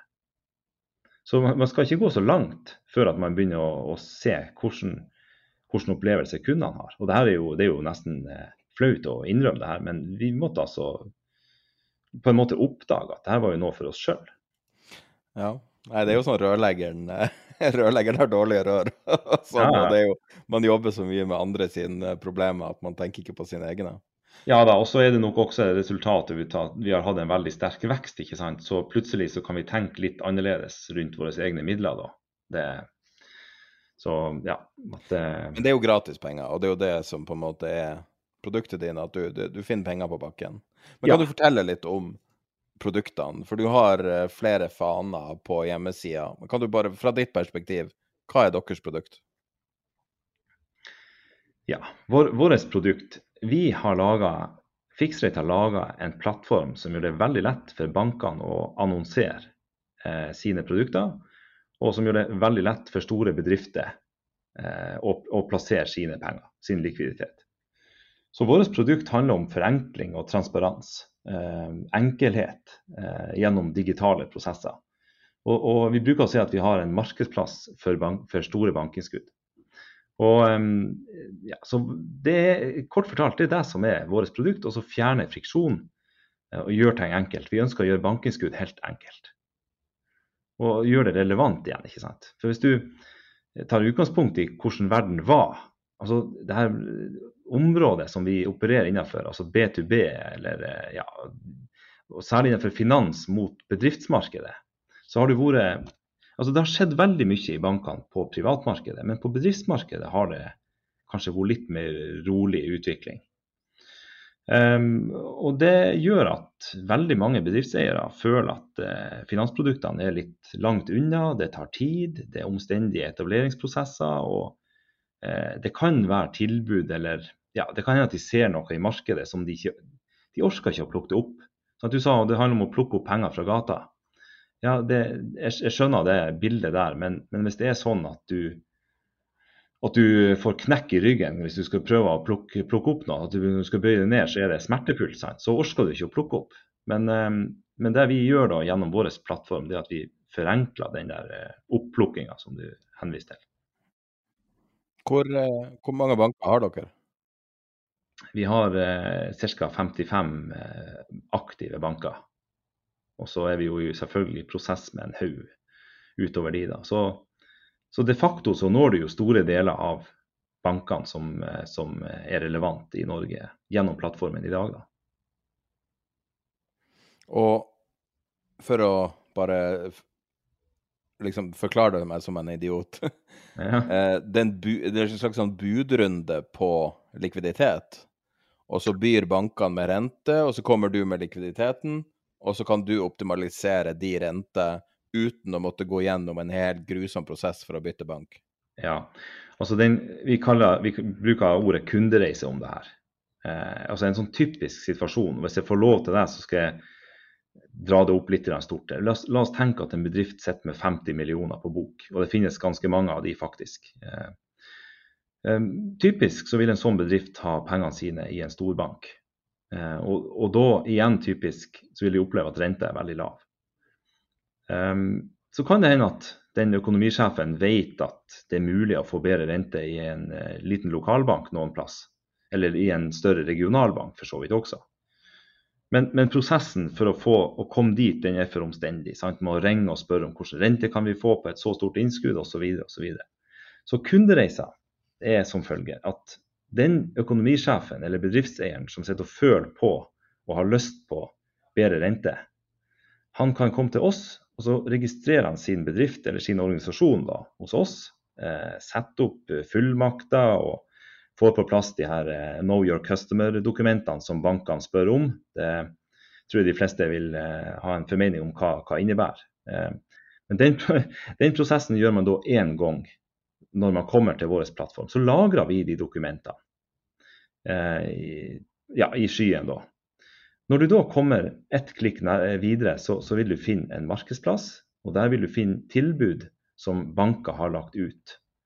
Det er tilbud som da er tilgjengelig for kundene som bruker fixrate. Der kan du klikke eh, på tilbudene og lese litt mer om banken og se litt nærmere på osv. Og, så og så kan du bestille. Når du bestiller, så går den dokumentpakken som du lager up front, den går da automatisk til banken. Så, så når du først har gjort registreringa, så kan du veldig enkelt bestille innskudd fra fem forskjellige banker. Da får du jo spredd pengene. Det er jo også mange som gjør, det kan vi jo snakke mer om etter hvert. Um, bankene vil, når de mottar dokumentpakken, så vil de laste opp en kontoavtale. Og har du gjort fem bestillinger, så får du fem kontoavtaler. Der står kontonummer og alt. Så kan du bøndle signaturen mot alle de avtalene. Uh, ja, og etter hvert når ting er oppe og går, det, går, det vil være en transaksjon her. Sant? Den gjør du jo mot bankens, altså kontonummeret i bank ABC. Uh, og når pengene er på bok, så vil du kunne hente ut rapportene via vår plattform. Da har vi en rapportmodul som gjør det enkelt å regnskapsføre det her. Så det er helt kort det vi gjør. Det handler om forenkling på tre områder. Altså punkt én, du får en transparens over prisene i markedet. Punkt to, det er veldig lett å bestille. Og punkt tre, det er lett å følge opp eh, og ha oversikt over innskuddene eh, etter hvert som tida går. Da. Og det, det, er jo mange kunder, de har jo innskudd stående i mange år. Det er jo typisk bunn av kista som plasseres, ikke sant. Hvordan er vilkårene? For jeg vet at noen har eh, f.eks. at du må binde opp i enkelte Altså jeg vet at enkelte banker som gir tilbud, så binder du opp i et år f.eks., og så får du så, så bra rente. Hvordan er det det funker med sånne vilkår? Ja, vi har flere kategorier, egentlig. Altså, det Overordna er det en todeling eh, mellom fastrenteprodukter, og de er veldig like det folk tenker på når jeg sier fastrente. Altså, da har du en gitt periode med en gitt effektiv rente. Eh, det, det, er tradisjonelt, det er det man er vant til fra ja, holdt på å si gammelt av. Men så, den, jeg bruker å kalle det melk og brød-kategorien, det er jo de, de produktene med 31 dagers rullerende oppsigelse. Um, og Den type produkter innebærer at du kan gjøre en plassering, uh, men du må varsle 31 dager før du skal ha de pengene ut igjen. Det, har, det har noe med regelverket bankene står overfor. Eh, med tanke på bankrun osv. For hvis de får putta penger i den kategorien, så har de en annen balanseføring av pengene. Og, det vil gi en fordel for deg som investor eller kunde da, i banken. Men typisk da så um, har vi kobla de her produktene opp mot pengemarkedsrenta, eh, altså da ni bort tre måneder pluss en margin. Og det er da en rente som vil eh, ja, den fikses daglig, denne Niboren. Så i et stigende marked så vil du ha en, ja, kanskje en daglig endring. Det er jo alt etter hvordan Niboren går, da. Eh, og det vil slå rett ut på, på renta på kontoen. Eh, I fallende marked så vil du ha motsatt effekt. da. Eh, men det, det, som er viktig for oss når det kommer til bruken av Nibor, det er at du får ei altså Det er veldig lett. altså Nibor, Hvis alle bankene bruker Nibor i bunn, så konkurrerer de egentlig bare på den marginen som ligger oppå. Så det er egentlig en, eh, det er en, måte å sette opp en konto på som fjerner sjansen for at en bank holder igjen, eller at de spiller kort med det. på en måte. Det, du vet jo at du vil stort sett tape. sant? Så hvis du heller legger det rett mot pengemarkedsrenta, og så lar du bankene konkurrere med en margin, så, så vil du følge markedet på en bedre måte. Eh, og unngå det spillet der, da. Så to kan, ja? kan vi snakke litt om hvordan banker funker i Norge? Fordi at vi vet jo teoretisk, alle som har studert økonomi, vet jo teoretisk hvordan banker funker. Men rent i praksis, hvordan fungerer det? For jeg vet jo at mange av de bankene du har, er mindre banker, lokale banker rundt omkring i sparebanker rundt omkring i landet. Hvordan mm. fungerer økonomien i dem um, i 2022? Ja, ja, og for å gi deg et veldig veldig bra svar på det, så burde vi ha fått tak i noen skikkelige eksperter her. Men jeg kan gi deg mitt svar på det. Fra ditt perspektiv? Fra mitt perspektiv, det kan jeg gjøre. Eh, det er egentlig veldig enkelt. Altså En bank lever av rentemargin. Han henter kapital, han låner inn kapital. Og, og du nevnte nå lokalbanker, regionale banker. De har ofte høy såkalt innskuddsdekning. Dvs. Si at en veldig stor del av deres utlån er finansiert med innskudd. Og den kan være helt opp i 100% faktisk for mange. Men så henter de gjerne Det kan være litt fremmedkapital, eh, det kan være litt seniorfinansiering. Altså de går i, i pengemarkedet også og henter finansiering. Men typisk så utgjør kanskje ja, mellom 70 og 90 utgjør altså rene bankinnskudd. Eh, og, og, da er leken er veldig enkel. Det handler om å låne inn penger billigere enn hva du låner ut for. Og så er det om å gjøre å ha en så lav kost som mulig, sånn at du faktisk sitter igjen med et positivt resultat når alt her er oppgjort. Um, ja. Og innskuddene kan du jo bore videre i også. Du kan jo dele i to. Penger fra privatmarkedet og fra bedriftsmarked. Typisk kan du dele de i to igjen. Du har penger som står på lønnskontoer for privatmarkedet, og så har du driftskontoer for bedriftsmarkedet. Og så finnes det sparekontoer eller plasseringskontoer. Det kan være fastrenteprodukter eller you name it. Eh, både for privat og for bedriftsmarkedet, egentlig. Og det, det her har jo kunne jeg holdt et helt foredrag om det også, men det finnes jo så mange altså Innskudd er jo et enkelt produkt, men det finnes altså så mange avarter og triks i ludo, holdt jeg på å si. Eh, alt ifra hvordan man kapitaliserer, og hvordan man, hva er det man markedsfører, er det nominell eller effektiv rente osv. Så, videre. så det er jo egentlig et veldig enkelt produkt som er veldig lett å bli litt forvirra av. Sånn sett, også, også, helt glemt, ikke minst. Ja. Jeg tenker på, Vi ble kontakta i forrige uke av en lytter som hadde vært han, han, eh, Jeg vet ikke akkurat rollen hans, men det er en mellomstor eh, bedrift. Har en, en, god del penger på bok. Jeg har konto i en stor norsk bank. Den kontoen hadde, ut fra det han sa, null rente. Ja. Og eh, han tok kontakt med banken og, og, fikk mer eller mindre beskjed om at det skulle forbli på null.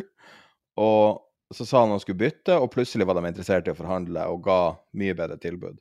Ja. Og det her er jo litt det maktforholdet med bank. Nå har vi jo ikke for å krysspromotere med en tidligere sponsa intervju, men dere, dere, minner meg jo veldig mye om det Just gjør også, det norske eh, eh, finansteknologiselskapet.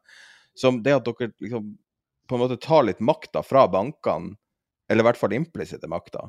Er det bevisst, eller er det på en måte tilfeldighet at det havner sånn? Ja, altså Det du tar opp der med, med forhandlinger, det er jo en klassiker. Og sånn er det jo også Nå vet ikke jeg hvem, hvem, som lytter på denne episoden, men, men, det er klart at det, sånn er det jo med boliglånet ditt. Sånn er det med, med innskuddene. Eh, veldig mye bankprodukter er forhandlingsbar hvis du bare eh, tør å forhandle. Jeg kjenner jo godt til Just, så du kan godt se at det er en veldig sterk likhet mellom Just og fixed rate i form av at vi, vi, ønsker å bidra til mer transparente markeder og rettferdige markeder. Eh, det her med makta eh, mellom bank og forbruker eller bank og kunde, da, det kan man jo diskutere. Vi har jo også kunder som er veldig flinke å forhandle, og som altså der, skal, der at bankene helt sikkert har røde målekort. ikke sant? Men da kan det være noe, det kan være strategiske årsaker til at bankene ønsker å ha den type kunder. Det være det, det, er mange ting som kan, eh, kan, påvirke betingelser hos en bank. Men på innskudd så skulle man jo tenke Altså, risiko for banken, det, det er jo eh, altså det Er klart, er, er, det en kunde som kommer med russiske oligarker, så er det én ting. Men det klarer de å røyke ut ganske fort, da. Men, men, risikoen Man skulle tenke at det er et homogent produkt. sant? Eh, og da burde man jo kunne få temmelig like vilkår, uavhengig av hvilken type kunde du er. Eh, men det er jo ikke det som er tilfellet. Tilfellet er jo at den eh, asymmetrien i kunnskap bidrar til at bankene ofte stikker av med altså Det er jo de som jobber med det her daglig og som har oversikt og innsikt. Mens en stakkars bedriftseier som er mer opptatt av å svinge gravemaskiner, han, er jo, han har jo ikke filla peiling. sant? Og det er jo det vi prøver å få til her, at eh, eh vi, vi, ønsker å gi eh, åpne opp markedet og fortelle kundene hva som er ja, hvordan markedet er, hvordan det ser ut, og så kan du ta informerte beslutninger basert på innsikten som vi gir deg. Og I tillegg da, altså det, det vi snakker om nå, det er jo egentlig det første punktet i vårt verdiforslag, sant, som handler om transparens. Altså å gi tilgang til markedet. Like tilgang. Det er lik tilgang for alle. Eh, og Så tilfører vi jo da i tillegg det her med enkelhet, og, både i form av prosesser og rapportering og hele pakken. Så det blir jo et kinderegg. Det er jo der vi ønsker å gi kundene. Et kinderegg her som som gir en positiv effekt. da. Ja, jeg er totalt solgt. Det artige er at jeg trodde at jeg skjønte hele produktet deres, men det er først nå jeg virkelig forstår hva det er du har laga. Ja. og, og, jeg tenker jo at den store verdien for deg må jo være det, den markedsplassen. Altså ja. som bedrift. Det er jo utrolig spennende i det. Ja. er, er det her det første produktet dere lanserer av mange, eller er det, er det her det endelige, på en måte, hvordan dere endelig skal se ut? Ja, og det er jo et veldig, veldig godt spørsmål. Og vi begynner jo å se det samme som du, som du ser nå, da. At eh, vi har jo laga en plattform. Og den plattformen kan man jo bruke til så mangt. Um, så Et direkte svar på spørsmålet ditt er jo at bankinnskudd er det første produktet. Det var en helt åpenbar mulighet som vi så. Uh, og så vet vi at det ligger flere muligheter der. For det vi ser hos kundene våre, det er at altså, det her med transparens og åpenhet og enkelhet, det er noe som de etterspør. Hvorfor skal man logge inn på 40 plasser? Hvorfor skal du, hvorfor skal du oppsøke all verdens kanaler. Og, det, hvis du kan samle eh, homogene produkter særlig Det er klart det, det, er vanskeligere hvis du har veldig krevende produkter som, som er veldig individuelle, så, så, er det krevende. Men det finnes jo produkter som er mer homogene. Eh, så at vi kommer med nye produkter, det, det, tror jeg nok ganske sikkert at vi vil gjøre. Og vi, vi, har prosesser der, men jeg vil ikke gå ut med for mye. Men, men poenget er jo at eh, ja, altså, er at vi, vi har kunder som eh, sitter med mye likviditet, og bankinnskudd er jo én investeringsform. Um, og det kan jo ja, kan godt hende at vi bredder ut i, i den retninga der. Det kan hende vi har hatt spørsmål på lånesida fra bedrifter som er lei av å vente fire måneder på at noen skal behandle en sak. Um, det kan være forsikringer, man kan tenke forsikring, eh, pensjon. Eh, altså Som leverandør så ser vi i hvert fall at det er en suksess å bringe transparens til torgs. Og, og, og, og gjøre ting på en ryddig og enkel og oversiktlig måte. Få bort for mye føss, standardisere produkter, lage hyllevare og gjøre det lett for folk å plukke. Og hvilke produkter du plukker da, det, det er selvfølgelig ikke underordna, men, men, poenget er at de her bedriftseierne de vil bruke minst mulig tid på finans det tror jeg egentlig er en sånn skade man har. Altså, jeg har jo jobba i finans sjøl i mange år, men det er jo en skade man har. At man tror at, at, folk er opptatt av hva du holder på med. Men det er de jo ikke. Det de er opptatt av, det er jo å sørge for at laksen i merdene vokser fort. Og at, eh, og at, alle lastebilene går i rute. og ikke sant? De er jo opptatt av sin egen business, ikke av finans. Det er jo et, eh, jeg holdt på å si et nødvendig onde. Men jeg har en potensiell kunde til deg. Ja vel? Peter er interessert i bedriften. Han hadde noen spørsmål han stilte rett før vi starta nå. Ja. Du må gjerne svare dem direkte. Jeg tror det er ganske mange som lurer på det. Så tidligere har jo han nevnt at KYC, altså Know Your Customer, eh, er et veldig slitsom, slitsom prosess. Hvis man er privatperson, så har man kanskje aldri møtt det. Men KYC er mye dokumenter, og skal du bytte bank, så er det samme prosessen igjen og igjen. Litt som når du skal søke en jobb om å skrive inn uh, Laste opp CV-en din, og så må du fylle inn hele CV-en din i et skjema etterpå. Ja. Jeg, jeg, tror det er litt sammenlignbart med den. Men um, i dag må du gjøre KYC med hver enkelt motpart. Og det er tungvint, og det tar, tar tid.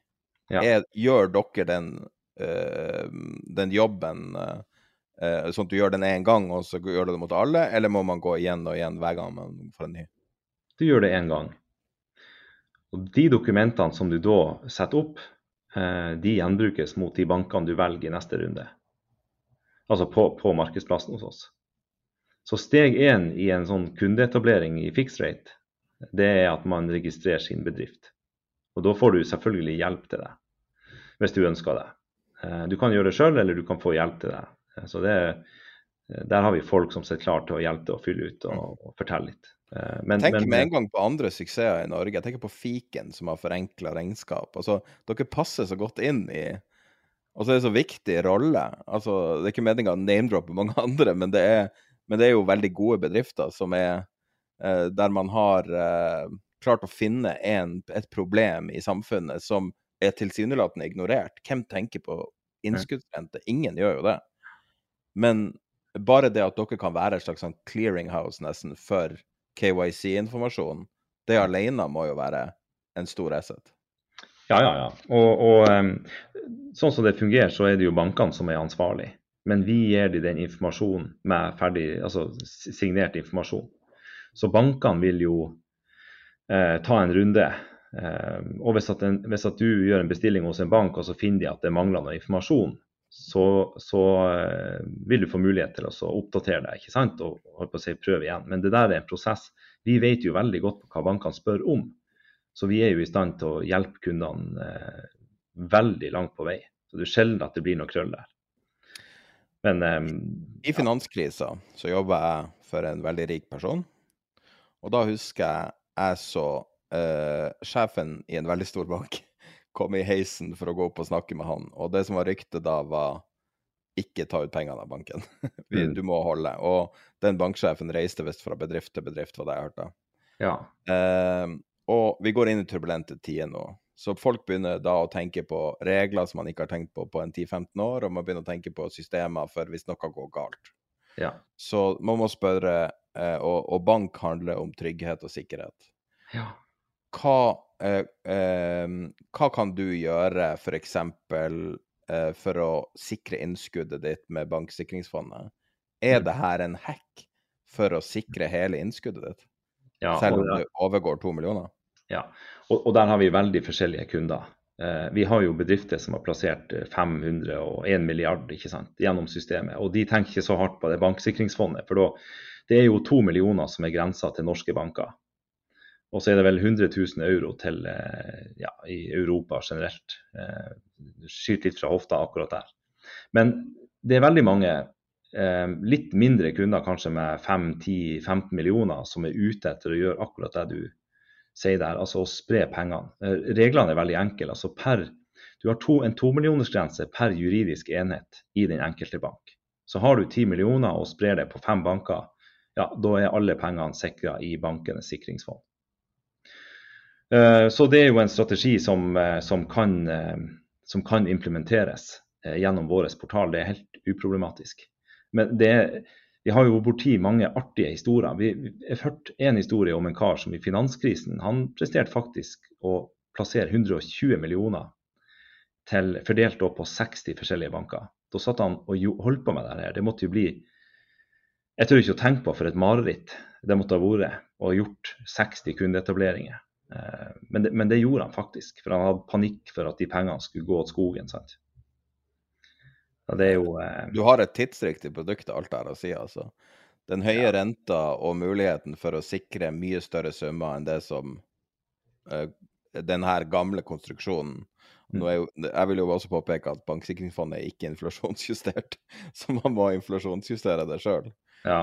Eh, det har vært to millioner så lenge jeg kan huske. Men uh, det er jo virkelig Altså, de to tingene der mm. Det er ikke så mange features, men det er fryktelig bra features. ja, ja, ja. Ja, sant. Og det er jo, det er jo egentlig et eh, Du kan jo si at bankinnskudd er jo et nitrist produkt, men det har jo virkelig sin misjon. Um, men da har vi svaret på hva skjer hvis banken går konkurs. Ja. Kan, hvis du er redd for det, spre innskuddet opp til 55 eh, banker. Eh, ja. Så 100 og noe millioner, så, så kan ja. du spre det. Men hva skjer hvis dere går konkurs? Nei, da skjer det egentlig veldig lite. Eh, annet enn at den plattformen som gjorde det fryktelig enkelt for deg å ha pengene i mange banker, den forsvinner. For, for det er sånn at det kundeforholdet du oppretter til fixrate, det, det angår egentlig bare Ja, det, det handler om et, et, forhold til en plattform. Det er som, å være, det er som å være kunde på finn.no. Eh, men eh, du, du, altså pengene dine er trygge, fixrate er aldri borti pengene hvis du har plassert la, Ta den kunden da, som har plassert 10 millioner spredd på, på, fem banker. Han vil ha en, en, et kundeforhold i den enkelte bank, og pengene står i bankene, ikke i fiksrett. Vi har ikke noe konsesjon for å håndtere penger på noe vis, så det kan du være helt trygg på som kunde at um, hvis vi dør, så betyr det bare at du er tilbake til basic. Da har du en masse papirarbeid foran deg, men det er ikke noen penger som er tapt som sådan. Men den forenklinga forsvinner. Så, og det, det, var litt interessant at du tok opp det der. For at når, når vi utvikla Fixrate, så spurte vi Vi tenkte at det var et problem. F.eks. det her med om, om pengene skulle Skal vi trekke pengene og flytte pengene for kunden, eller skal han gjøre det sjøl? Og da sa de kundene som var med som pilotkunde at de ønska helst at vi holdt fingrene langt fra fatet. Dette hadde de systemer for å håndtere sjøl, og det var de vant til å gjøre sjøl, så selve transaksjonen den vil de holde på fortsatt. De ville ikke at vi skulle bort til den, men de ville at vi skulle forenkle alt mulig som lå rundt transaksjonen. Og, og da holdt vi oss på det sporet, og det tror jeg var veldig smart. også. Jeg er helt enig. For at det er ikke Med første øyekast, når man ikke vet hva et produkt er, så tenker man ja, en eller annen mellommann. Men egentlig er det jo ikke det. Du er jo på en måte et markedsføringsledd for banker. Ja. Der de kan markedsføre Altså du har laga en børs for lån. Nei, eh, børs for, eh, for innskudd. Ja. Det er ganske attraktivt, altså. Ja, eh, ja vi finner jo ut at det Vi finner jo ut nå at det, det funker, i hvert fall. Vi ser jo det kommer jo nye kunder hver dag. sant? De, om det er helg eller kveld eller eh, mandag eller torsdag, det spiller ingen trille. Altså Folk er online og er opptatt av pengene sine hele tida. Men hva med enkeltpersoner? Er det bare å starte AS og ringe dere? Ja, ja. Det er bare å uh, bruke chatten. Så Ja. det går an å ringe også, men akkurat... Men du kan ikke gjøre det som privatperson? ikke som privatperson. Vi Hva er har årsaken til det? Nei, det, det er flere grunner til det. Eh, men det er en naturlig vei å gå for oss å tenke privatmarkedet også. Men eh, ja, hva jeg skal si. Altså, det, eh, det er flere grunner. Det første jeg kan si, er at det her handler, for oss handler det om volumer. Eh, og, og de store volumene, der vi ganske fort kan, kan få litt volumer så vi kan overleve her, eh, og som vi har gjort for så vidt, det er jo å gå til bedriftsmarkedet, til de litt store innskuddene. Eh, Når det kommer til eh, Ola Nordmann som har 300 000 på bok, så eh, det der er et marked som er langt mer crowded. Du har flere banker som kjemper om de, og du har um, ja, pro, altså Prosessen i bankene er også bedre for privatmarked enn hva de er for bedrift. Så problemet vi løser for Ola Nordmann med 300 000, det er mindre enn problemet vi løser for en bedrift med 300 millioner på bok. Så det, og det, det gjelder altså både med tanke på prosess og på sum og oppside i form av rente. og ja. Men um, Hva er renta akkurat nå? hos oss det er, Jeg tror de beste innskuddene Det har jeg ikke sjekka i dag, som sagt, men eh, rundt 3,2% der i området. Eh, nå er jeg inne på en stor norsk bank sin hjemmeside, sin prisliste, akkurat nå. Ja. Dette er da et par timer før det blir publisert, sånn at det er ganske fersk data. Um, for å få ei rent, dårligere rente enn du tilbyr, så må du binde i to år. Ja. Det er det. Eh, og du må skyte inn eh, relativt betydelige beløp. Men to års bindingstid på pengene. Ja. Da kan du få ei dårligere rente enn du har. ja. Og eh, jeg syns det sier alt, altså. Jeg, klarer helt ikke å forstå, hvis man er finansdirektør og hører på det her, og man sitter på forvalter store summer, hvorfor man ikke oppsøker det, det her. Fordi at det virker å være gratis penger, nesten. Ja. Men eh, jeg kan jo Vi har jo data på bordet hos oss også. Eh, og jeg ønsker ikke å name-droppe noen banker, men hvis vi ser noen tall fra august, slutten av eh, ja, altså begynnelsen av august, så er jo oppsida eh, ja, den, er, den er jo formidabel, ikke sant. Men, men jeg, jeg har lyst til å bare Vi ønsker å være helt åpne og ærlige på det her. Altså, Du kan få fantastiske avtaler hvis du, hvis du tar opp telefonen og sitter og ringer rundt til banker, så kan, kan du kanskje få enda bedre rente enn du får via fixed rate. Men spørsmålet er jo bare hva vil du bruke tida di på? Altså det du vet, Hvis du går via fixed så vet du at du får jevnt over en god rente. Eh, og den renta er Vi tar en veldig liten kutt. Eh, det er ikke noe Altså det er helt åpenbart at det er en vinn-vinn, ikke sant. Så vi har veldig lite å skjule, på en måte. Eh, men det, det, er som du sier, at hvis du, hvis du eh, med mindre at du er veldig aktiv og sitter og ringer rundt til alle, alle som kan tenkes å ta imot penger, så, så, så sjansen for at du får noe som er veldig mye bedre enn hva du får via en markedsplass som allerede ligger der åpen og transparent og med, med lite kost i mellomleddet, den er ganske liten, altså. Så um, Jeg kjøper det argumentet totalt. Ja. Altså, jeg syns det, det, ser ut som en no-brainer, og spesielt fordi at du dealer direkte med banken. Ja. Det er jo ikke noe å bekymre seg for. Forstår det totalt. Og jeg forstår også banken også. Ja. Altså, det er jo ikke det at bankene er, er kjeltringer på noen måte. Dette er jo cost of doing business. Altså, de har uh, markedsføringskostnader og alt mulig. Men med å bruke sånne som dere, så Det er det jeg syns er artig, for vi er jo veldig selektive på hvem vi jobber med kommersielt. Ja. sier nei til de fleste. Med dere så har jeg oppsøkt dere ganske aktivt. Fordi at jeg, jeg syns at dette var noe vi ville være assosiert med. Det, det, er et spennende produkt, og det er helt nytt, og, og de fleste har ikke hørt om det. Ja. Um, og jeg tenker bare på moderne take på børs, som vi nevnte et annet selskap tidligere. Det er liksom Det er artig å se at det kommer en sånn ny generasjon med reell fintech. Ikke sånn bullshit-fintech der de kaller det fintech bare for å hente penger, men reell innovasjon i finans. Ja. Og det syns jeg er vakkert, altså. Ja. ja um, altså jeg er jo interessert i området sjøl også, altså fintech. Selvfølgelig blir man interessert i det når man jobber med det her. Men, men du har jo nevnt flere som du, du putter litt i samme kategori med, med, med Just og med Fiken. og, eh, og det er sikkert... Ja, Dealflow og altså det, det, er liksom nye take på økonomi og finans som, som, er norsk, og som er utrolig attraktiv. Ja, men så kan du spørre hva, hva er likt, da? ikke sant? Og jeg tror det her med enkelhet står utrolig høyt, altså. Det må være enkelt for folk å, å bruke, og det må gi en faktisk merverdi. Helst i form av kroner og øre, så må det gi en merverdi. Og det ja, Kan vi snakke kroner? Hvor mye har du fått inn? Vi har fått ehm, ja, altså Totalt så er det gått eh, rundt regna 40 milliarder gjennom plattformen. Herregud. Ja ja. ja det, det, det, tar seg Det går egentlig bare fortere og fortere. Men også eh, altså, innestående akkurat nå er vel rundt regna 20 milliarder. Altså som står i bankene. Hvor mange bedrifter er det som er med? Du sa 55 banker. Hvor mange bedriftskunder er det? Eh, ja, Ca. 400 har tatt tjenesten i bruk. Er det noen profilerte kunder som du kan snakke om, eller? Ja da, det ligger noen på eh, hvis, de, ja, hvis noen er veldig interessert, så kan man finne både bloggsaker og, om enkeltbedrifter. Men det er også en sånn der eh, ja, sånn logosamling på nettsidene våre som du kan se. Men typiske store, kjente bedrifter, det kan jo være ja, sånn som Nell Hydrogen, det kan være Bonør ASA. Eh, ja, det ligger eh, ganske mange ute. Visma. altså det her er jo type store bedrifter, ikke sant.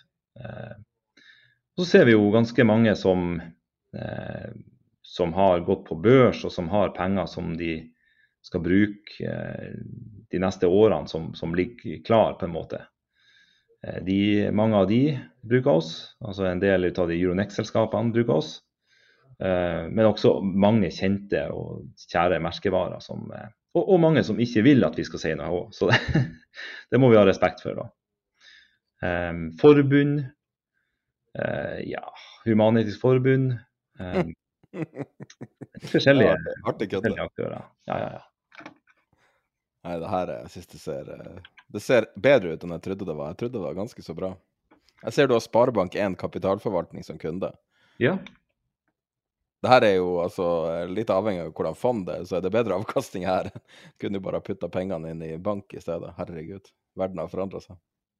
Ja, ja, sant. Det, men vi ser jo, vi har jo mange av fondsforvalterne også som kunder. Altså pengemarkedsfondene. De, ah, ja. de har jo mandater som altså opptil 25% Nå tar jeg det på hukommelsen, altså, men jeg mener at inntil 25% av kapitalen kan være i bankinnskudd. Um, og i perioder så har jo Da vet du du gjør noe riktig når forvalterne kommer. Ja, det har vært sånn at det har vært fri lunsj mange ganger eh, inne på Fixrate. Så da, og da vet de, da kjenner de sin eh, besøkelsestid, ikke sant. Så både forsikring og forvaltningsmiljøer, offentlig sektor i form av ja, kommuner, fylkeskommuner, offentlige bedrifter, foretak, eh, kraftbransjen, oppdrettsbransjen. Etter hvert så har vi egentlig de fleste bransjer representert. Ja. Er det finansdirektøren som oppdager dere? Det kan være litt både òg. Um, ja, det kan være alt ifra at noen Og det begynner vi å se effekten av nå, da, at du har styremedlemmer som tipser. Um, ja, det kan være et styremøte, og så tar de en prat om likviditeten. og Da dukker det opp eh, Hvorfor har vi nullrente på 80 millioner eller 200 millioner? Ja, herregud, hvis du er trainee i et eller annet stort firma, og du kan gå og hviske finansdirektøren en så god idé i øret, eh, ja. da tror jeg du får ei stjerne i bergen. Altså. Ja, det, det tror jeg vi Altså, det er ingen problem for en stor bedrift å tjene inn ei fulltidsstilling eh, på å bruke 20 minutter på fixed rate. Altså, har du ja, ja. argumentet jeg har hørt. Ja. Nei, men det, det, det er penger på gata. Uh, ja, gitt at uh, Jeg holdt på å si det, det skal jo noe til at nu, Vi er jo ikke noen rådgiver, vi leverer jo bare en plattform. Men det er jo mange som spør om risiko uh, knytta til bankene. og det, det, her må kundene velge, kundene velge banker sjøl. Vi gjør ikke noe jobb der. Altså, vi gir de tilgang til markedsplassen, så får de, så får de bare ordne seg sjøl der inne. Men det er klart at de fleste tenker på investering i bank som lav risk. Eh, hvis du får ja, og I hvert fall i norske banker så har det jo historisk vært ja, vi, vi, har snakka med forskjellige folk, eh, og vi har jo ikke funnet at det har vært noe Det har vært situasjoner der bankene har pakka i hop, men at kundene har tapt penger, det har vi ennå til gode å finne. Eh, jeg tror du må bak på 1930-tallet og før den tid. Men um, vi hadde en bank... Ja, du kan spørre en treåring. Sikkert som banken, det vet alle. ja, ja, ja. Så um, ja. Det, jeg tror det er i hvert fall den gjengse oppfatninga eh, om bank, altså investeringer i, i eh, bankinnskudd. Men jeg tror du må ha gjort noe riktig. For nå har vi snakka i 42 minutter, og vi har snakka om bankinnskudd. Og det har vært interessant hele tida. Ja, men det er bra, da. Så eh, du har klart å gjøre noe som ingen tenker på interessant og attraktivt. Og eh, det er derfor vi ville ha dere med her, og det syns jeg var en super samtale. Jeg lærte masse. Ja, men veldig bra. Det var vårt uh, sponsa intervju med Brynjar Ellingsen i Fixrate. Og som alle, du bare googler Fixrate, selvfølgelig, men det er fixrate.no, fixrate.no. Det tror jeg de fleste skjønner. Og um, jeg tror vi bare går i gang med resten av episoden. Og du vet at det er en lang episode. Ja, men, men nå, liksom, nå, nå, ga jeg dette her eh, forhåndsreklame rett og slett fordi jeg er, er begeistret for produktet. Men etter, altså for, etter, å ha hørt dette her, hvis noen er helt klin uenig med meg, så, så, så, må, så, kom med det. Fordi jeg, jeg virkelig syns at dette løser et, et, problem. Hva var det du sa i stad? Du sa hva du ikke skulle snakke om? Tesla? Tesla eiendom og og bitcoin, der må man være ytterst, ytterst forsiktig. Så la oss snakke om eh, låneforskrifter som direkte negativt påvirker eiendom, bare sånn for å forsikre oss og irritere alle om at ja, vi tar det opp. Jeg... Her er en ren nyhet. Vi kan jo si hva som har skjedd. Ja, kom igjen. Finanstilsynet har anbefalt å endre reglene til bankene for hvor mye de kan låne ut, og hvordan de kan forholde seg til det relativt marginal endring, men kanskje en veldig signifikant endring. Så maksimalgrense for låntakerens samla gjeld eller anbefales reduseres fra 5 til 4,5 eh, eh, av brutto årsinntekt ved nye lån. Redusere fleksibilitetskvoten for boliglån fra 10 og parentes 8% i Oslo til 5% og utvide utlånsreguleringa til også å omfatte lån med annen pant enn bolig, slik at eh, reguleringen fanger opp alle eh, lån til husholdninger? Jeg tror, altså Hvis jeg skulle kommet med umiddelbar reaksjon, så er de sent ute. Annonseres i hva jeg oppfatter å være ganske uh, sårbart marked. Og jeg tror, jeg tror ene og alene, og det er kanskje litt, uh, litt satt på spissen, at dette er gjort for at, eh, at eh, Finanstilsynet skal ha ryggdekning. Og så, så, du kan si at jeg Vi har allerede kraftig inflasjon, vi, vi, har, vi har, eh, kraftig renteøkning. Vi, vi, ser press Vi har vanvittig høyere energipriser, så vi ser på en måte at hele bildet i økonomien har, har endret seg, og folk har mindre penger. Og så venter man liksom til, til dette tidspunktet, istedenfor å introdusere dette her mens Altså når, når, dette her gikk som verst, så kom man med, med det nå. Og, og, du kan si dette er, dette er sånn der et nytt tegn for man, man skal vise at man gjør noe, og så skal man ha ryggdekning hvis det går galt. Men se nå på Altså bare gå til bare gå til finans, altså siden de heter Finanstilsynet, og se på reguleringen sant, som, som, er gjort.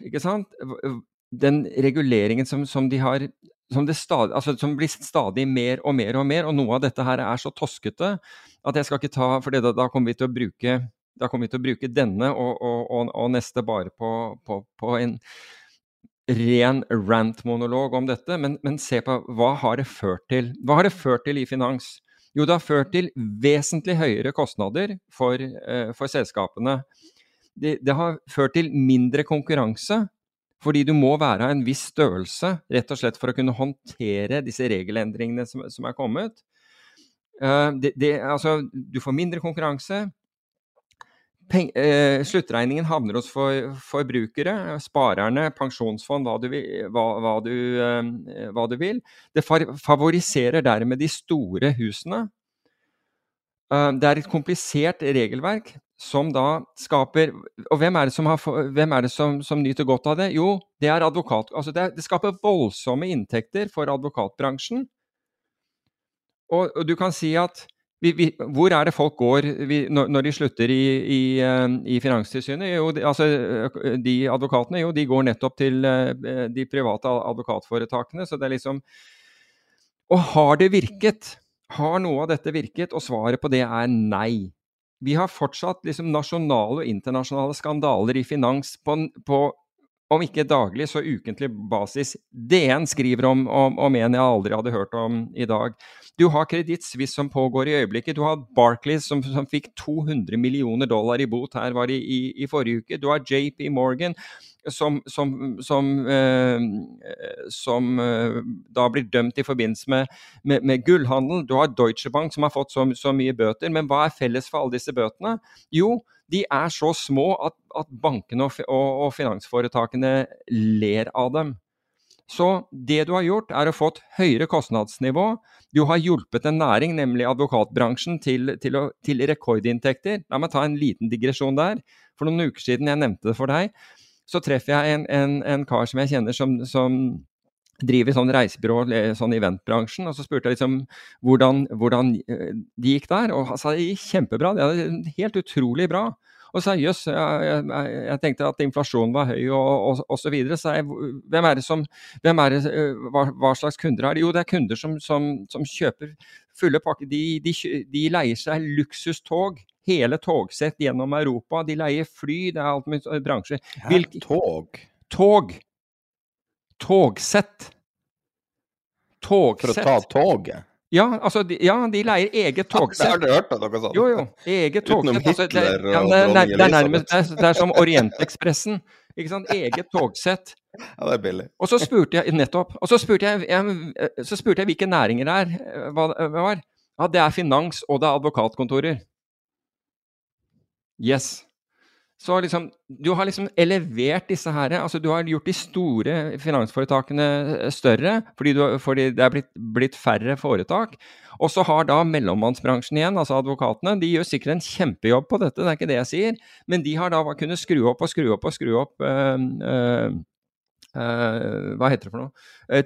Timeprisene sine. Rett og slett fordi etterspørselen er, er, er, så høy etter deres tjenester, og alle er redd for å gå, gå glipp av noe. Og så, skal, og så, ser du altså Ta i Norge, da. Du hadde denne, den, denne skandalen som, som DN avslørte. Altså alt det der rotet med det der eh, vindmølleselskapet som het NBT, og som nå heter noe annet. For avdekket ting som Finanstilsynet hadde ikke hatt peiling på, på dette. her, at Det varte i år ut og år inn, og Finanstilsynet hadde ikke oppdaget det. Og, vi har ikke hørt, og, og dette avslører DN. Men, men, men, ingen konklusjon fra Finanstilsynet. Du hører ikke en ting fra Finanstilsynet om saken. Og det kan godt hende at meglerselskapet i dette tilfellet hadde alt, gjort alt riktig. Men da har det jo vært greit at Finanstilsynet ville si det. Her var alt riktig. Alt det DN skrev og alt det der greiene, var, det, det måtte vært en misforståelse. Ellers så burde jo en eller annen reaksjon kommet, fordi dette var jo en føljetong som gikk i DN og som var så eh, mot et av de største finanshusene i Norge, skjer ingenting. Så har, hva, har, hva, har, skjedd med denne reguleringen? Den har ikke virket. Vi, alt den har gjort, er å, er å, påføre høyere kostnader og sende, eh, og, og, og sende advokater på, eh, på, på eget, egne togsett gjennom Europa. Really? Ja, det, hvorfor tog? Nei, ikke jeg, jeg, klarer ikke å komme forbi det. Jeg har aldri hørt om noe så leit. jeg vet ikke. Jeg vet ikke engang hvor, hvor, det var, men det var i Europa et eller annet sted. Og det var liksom det store nå. Det var et sånn luksustog som du, du leide eget tog. Ja, tog. Jo, men tog kan jo si Altså, tog har jo blitt bedre etter hvert. Uh... Du er pro Nordlandsbanen, eller Nord-Norgebanen og uh, men, men, å drive og reise rundt private tog Jo, men jeg, jeg, altså, jeg, datt litt av der. Jeg skulle, jeg skulle gjerne tatt Orientekspressen. Jeg husker Tor, Kåre Valbrok. Han, han, tok jo den, den transsibirske jernbanen og, og, litt sånn forskjellig. Altså, kunne gjerne gjort, gjort det samme selv. Ja. Det, men det har, pris, det har jo prislappen fra helvete. Ja, ja det er jo spørs, spørs hvordan altså Inntil i fjor så var jo å ta transsibirsk jernbane en attraktiv uh, idé, men uh, akkurat nå er det vel ikke sånn det man har mest lyst til. Nei, jeg, jeg vet ikke, men, men, altså for å dra dette tilbake Du har lyst til å dra til Moskva og dra uh, mot Sibir? Nei, jeg, jeg, har ikke spesielt lyst til å ta akkurat den, den banen, men men jeg angrer egentlig på at jeg ikke har gjort uh, Johannes Den går vel fra Johannesburg til Cape Town. Det, altså den, den, står jo stille ute på savannene på natta. Hva heter det, Blue Train eller et eller annet sånt? Jeg for så vidt hadde vært ålreit å gjort, så jeg syns jo det Altså, jeg ja, altså, altså, jeg, jeg gikk på skole i Sør-Frankrike og er fra Nord-Norge. Og jeg fikk det for meg da jeg var student at jeg skulle begynne å reise med tog, så jeg reiste med tog overalt. Jeg tok fløy ikke, da. Var ikke det jeg var redd for å fly. Kalles interrail, det, Sverre? Ja, jeg hadde interrailbillett. Ja, greit. Men det var ikke sånn jeg reiste, jeg reiste fra A til B, liksom. Mm. Men det var en fryktelig fin måte å på en måte Jeg var jo sånn i sånn uh, litt sånn studentmodus og drev og utforska verden på et eller annet vis. Og, uh, men det gir deg et veldig perspektiv på, på spesielt uh, eh, pga. Europa er så velfungerende togsystem. Det gir deg veldig bra perspektiv på, på måte, størrelsen og hvordan Europa henger sammen. Altså. Jeg hadde gleden av å ta TGV fra, fra Paris til uh, Jeg skulle til Monaco, men, men toget foran det var noen som hadde hoppet foran det et eller annet sted i nærheten av, eh, av Cannes. Så kom så langsomt til Cannes, og så måtte jeg ta drosje derfra for å nå den, den middagen jeg skulle i. Men uh, eh, TGV går, går, fort til omtrent Cannes, og så går det sakte langs kysten. Ja, okay. Ja, men Det hadde sikkert vært, vært fint uansett. Men, men, jeg må jo si at jeg følte en enorm luksus der jeg satt på TGV, og, og vi, vi, altså det går så fort at du, du dro gjennom værsystemer. Ja, det er 250-300 km. Ja, nettopp. Det var, det, var, det var, helt utrolig. Altså, jeg, jeg følte det, var Er Frankrikes stolthet, virkelig? Altså, kjempeluksus. Og så tok jeg øh, Så var jeg også i Var det fra Shanghai eller Beijing vi tok? Jeg tror det var Shanghai, hvor vi tok en, øh, et sånt øh, kinesisk lyntog til, som dro 300 og et eller annet km i timen. Vi skulle et eller annet, til et eller annet sted det var, også, det, det var også, en følelse av, av, uh, av velvære og luksus, mener jeg. Så, så, Vet du at uh, gjelda til kinesiske lyntog er så stor at, at det er en fare for hele Kina? Nei, det ante jeg ikke. Det er en, gjeld, det er en total gjeldsbombe akkurat oh, wow. på de lyntogene. Det var et tema vi hadde som, som ikke tok opp for en tre-fire uker siden. Uh -huh. Nei, jeg ante ikke. Nei, det er et enorme mengder gjeld. Og, eh, for de har eh, basically pantsatt framtida for å bygge de lyntogene og brukt eh, ja, litt mer penger enn de trenger. Jeg, jeg Men de har jo togene nå, da. Det er jo bra. Jeg, jeg bør vel for, for, for, egen disclosure si at jeg er misunnelig på, på, på, på, de som kan ta disse luksustogene rundt i Europa. Jeg syns det høres kjempefint ut, bare, bare, så det er sagt. Men, men, men, det viser også hvor pengene havner hen. Og når, når at, at, pengene havner der, det får være én ting, men at, at, det er ingen effekt. Det har jo ikke blitt mindre. Ja, altså det har jo ikke blitt mindre eh, Det har jo ikke blitt mindre brudd og, og for, og, i, eh, av, av verken forskrifter eller regler eller lover i finansmarkedene. Det har jo ikke ført til det i det hele tatt, så det er dønn mislykket. Så når du går på denne boliglånsforskriften, så er jeg biast i øyeblikket til eh, Eller i utgangspunktet til Finanstilsynet, og jeg mener at dette er kun fra ryggdekning hvis det nå smeller ordentlig i boligmarkedet. Og så har man, da, da kom man med den forskriften før, før, liksom, før det ble helmørkt. Så eh, Men skal vi snakke litt om uh, England? Ja, det kan vi gjøre. Uh, det er en ny regjering. Nytt uh, forferdelig budsjett. I hvert fall hvis du bedømmer reaksjonen i valutamarkedet. Uh, ny finansminister og tilsynelatende en ny syndebukk også. Der, mm. ut fra det jeg kan se, så ser det ut som å ha trukket tilbake deler av det som ble vedtatt forrige fredag. Og det var en bruker på Reddit som hadde en fenomenal oppsummering Like they were caught trying to burglar a house and put the flat screen back. det er veldig bra. Den Ja. Det har, det har, jo gått unna, det, det, er jo ingen tvil om. Men, men, det som har først og fremst fanget øynene til, til finansmarkedene, det var jo det, det obligasjonsmarkedet i, i Storbritannia som da falt så kraftig. Altså obligasjonskursene falt, renten, den, altså, renten da stiger når, når, kursene faller, til et nivå hvor Bank of England måtte komme inn og støttekjøpe obligasjoner.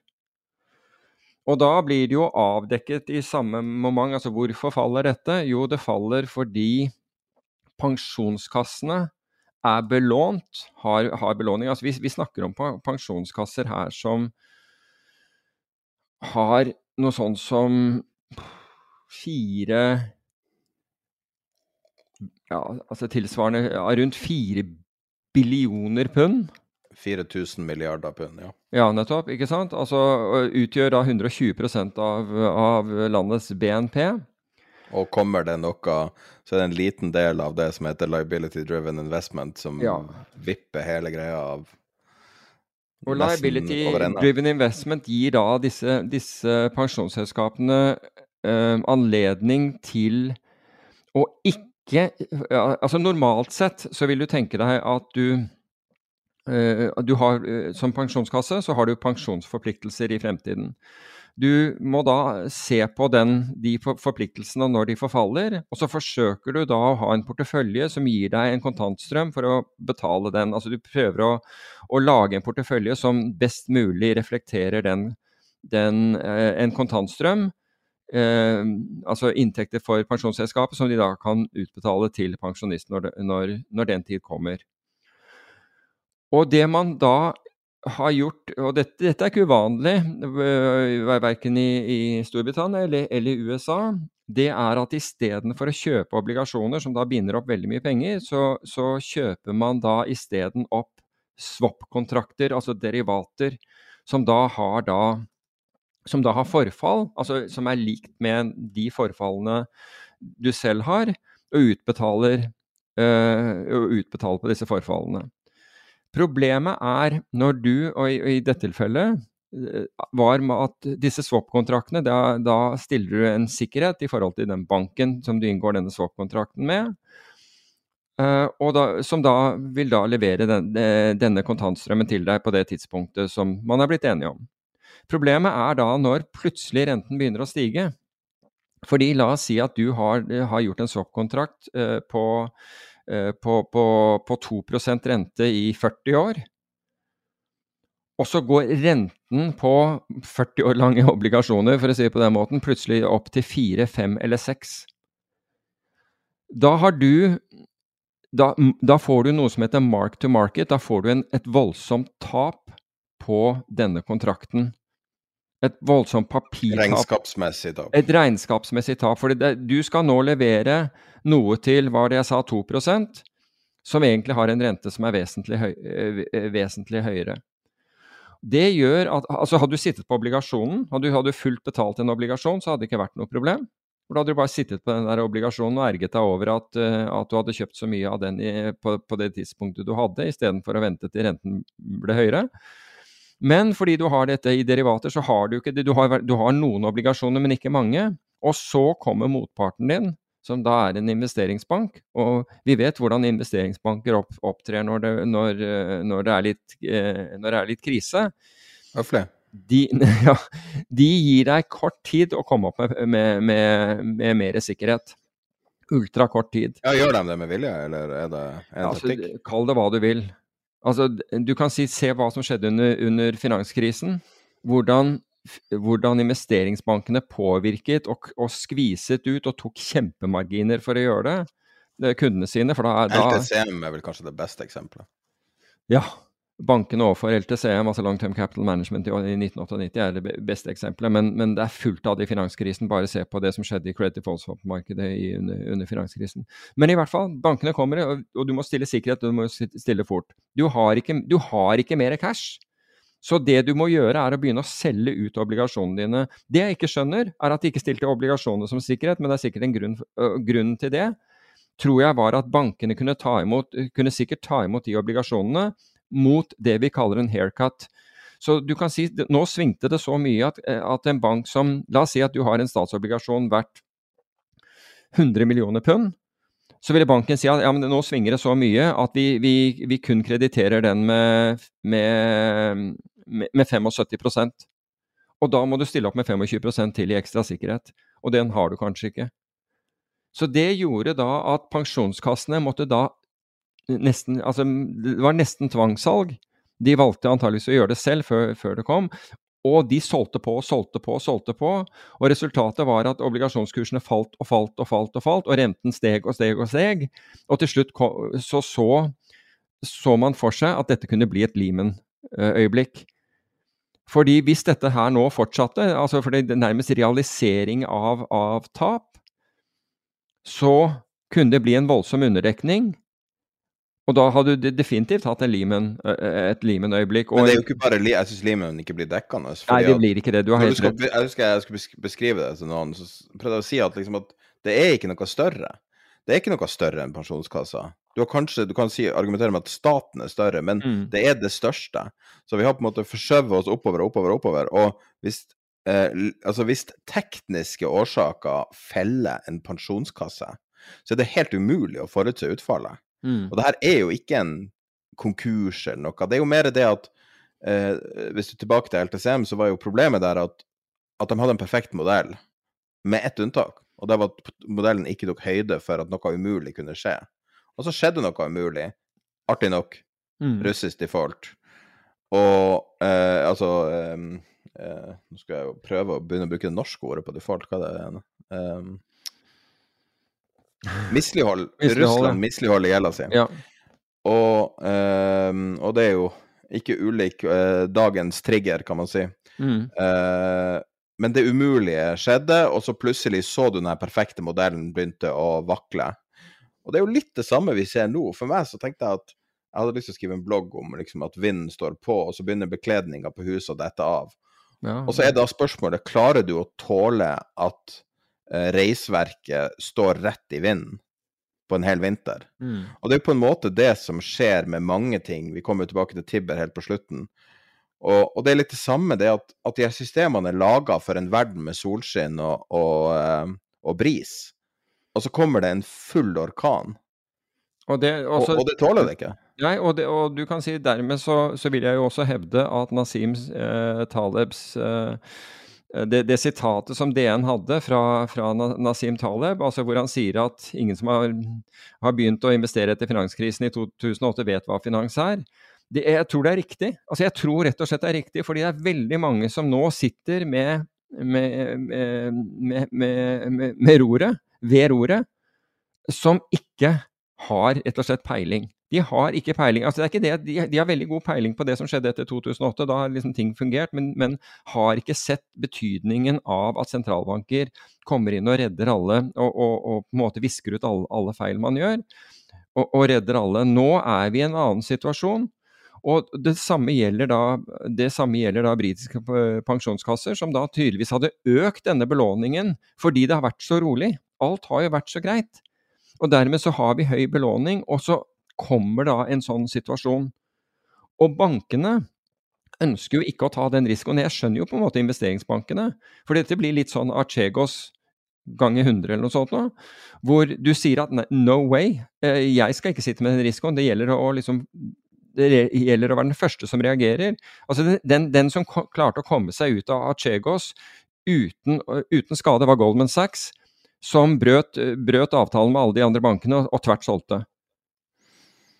Det her er nesten, det her er nesten plottet i filmen 'Margin Call'. Ja, ja. Eh, jo, men etter det møtet de hadde om hvordan first. de skulle håndtere denne situasjonen, så, så bang. Og det, gjorde, det, samme gjorde de for så vidt med, med, LTCM også, så du kan si at du, du har jo en du, du, Tilbake til den derre Mallory-sitatet, uh, ikke sant? Så jo, men you, det, can't, uh, you can't trust Mallory, but you can trust Mallory to be Mallory. Ja, nettopp. ikke sant? Og, og det er akkurat det. Og, og, en sånn situasjon dukket da opp i, i, Storbritannia. Og hvis ikke sentralbanken hadde reagert, så hadde jo dette så hadde det vært stort. Da hadde det vært virkelig, virkelig, virkelig stort. Og det snakkes om at det er samme issue i USA. Det kan være, men belåningen i USA, altså den, den, den giringen de har i USA, er lavere enn en i Storbritannia. For ordens skyld så er vel ikke dette en problemstilling i Norge, siden vi ikke bruker det systemet? Vi bruker ikke det systemet i Norge, så, så vidt jeg vet. Så jeg tror heller ikke at dette, en, dette på noen måte er en issue for, for det norske pensjonssystemet. Men vi har en uh, friend of the pod og en tidligere kommersiell partner, og vi har tette bånd til Tibber og har hatt det lenge, og, og har uh, vært veldig glad i dem som selskap. Og de har på samme måte, på en måte, når stormen kommer, og deres strukturer, altså måten det er bygd opp på, eksponeres. Vi visste jo ikke akkurat hvordan de opererte fra dag til dag.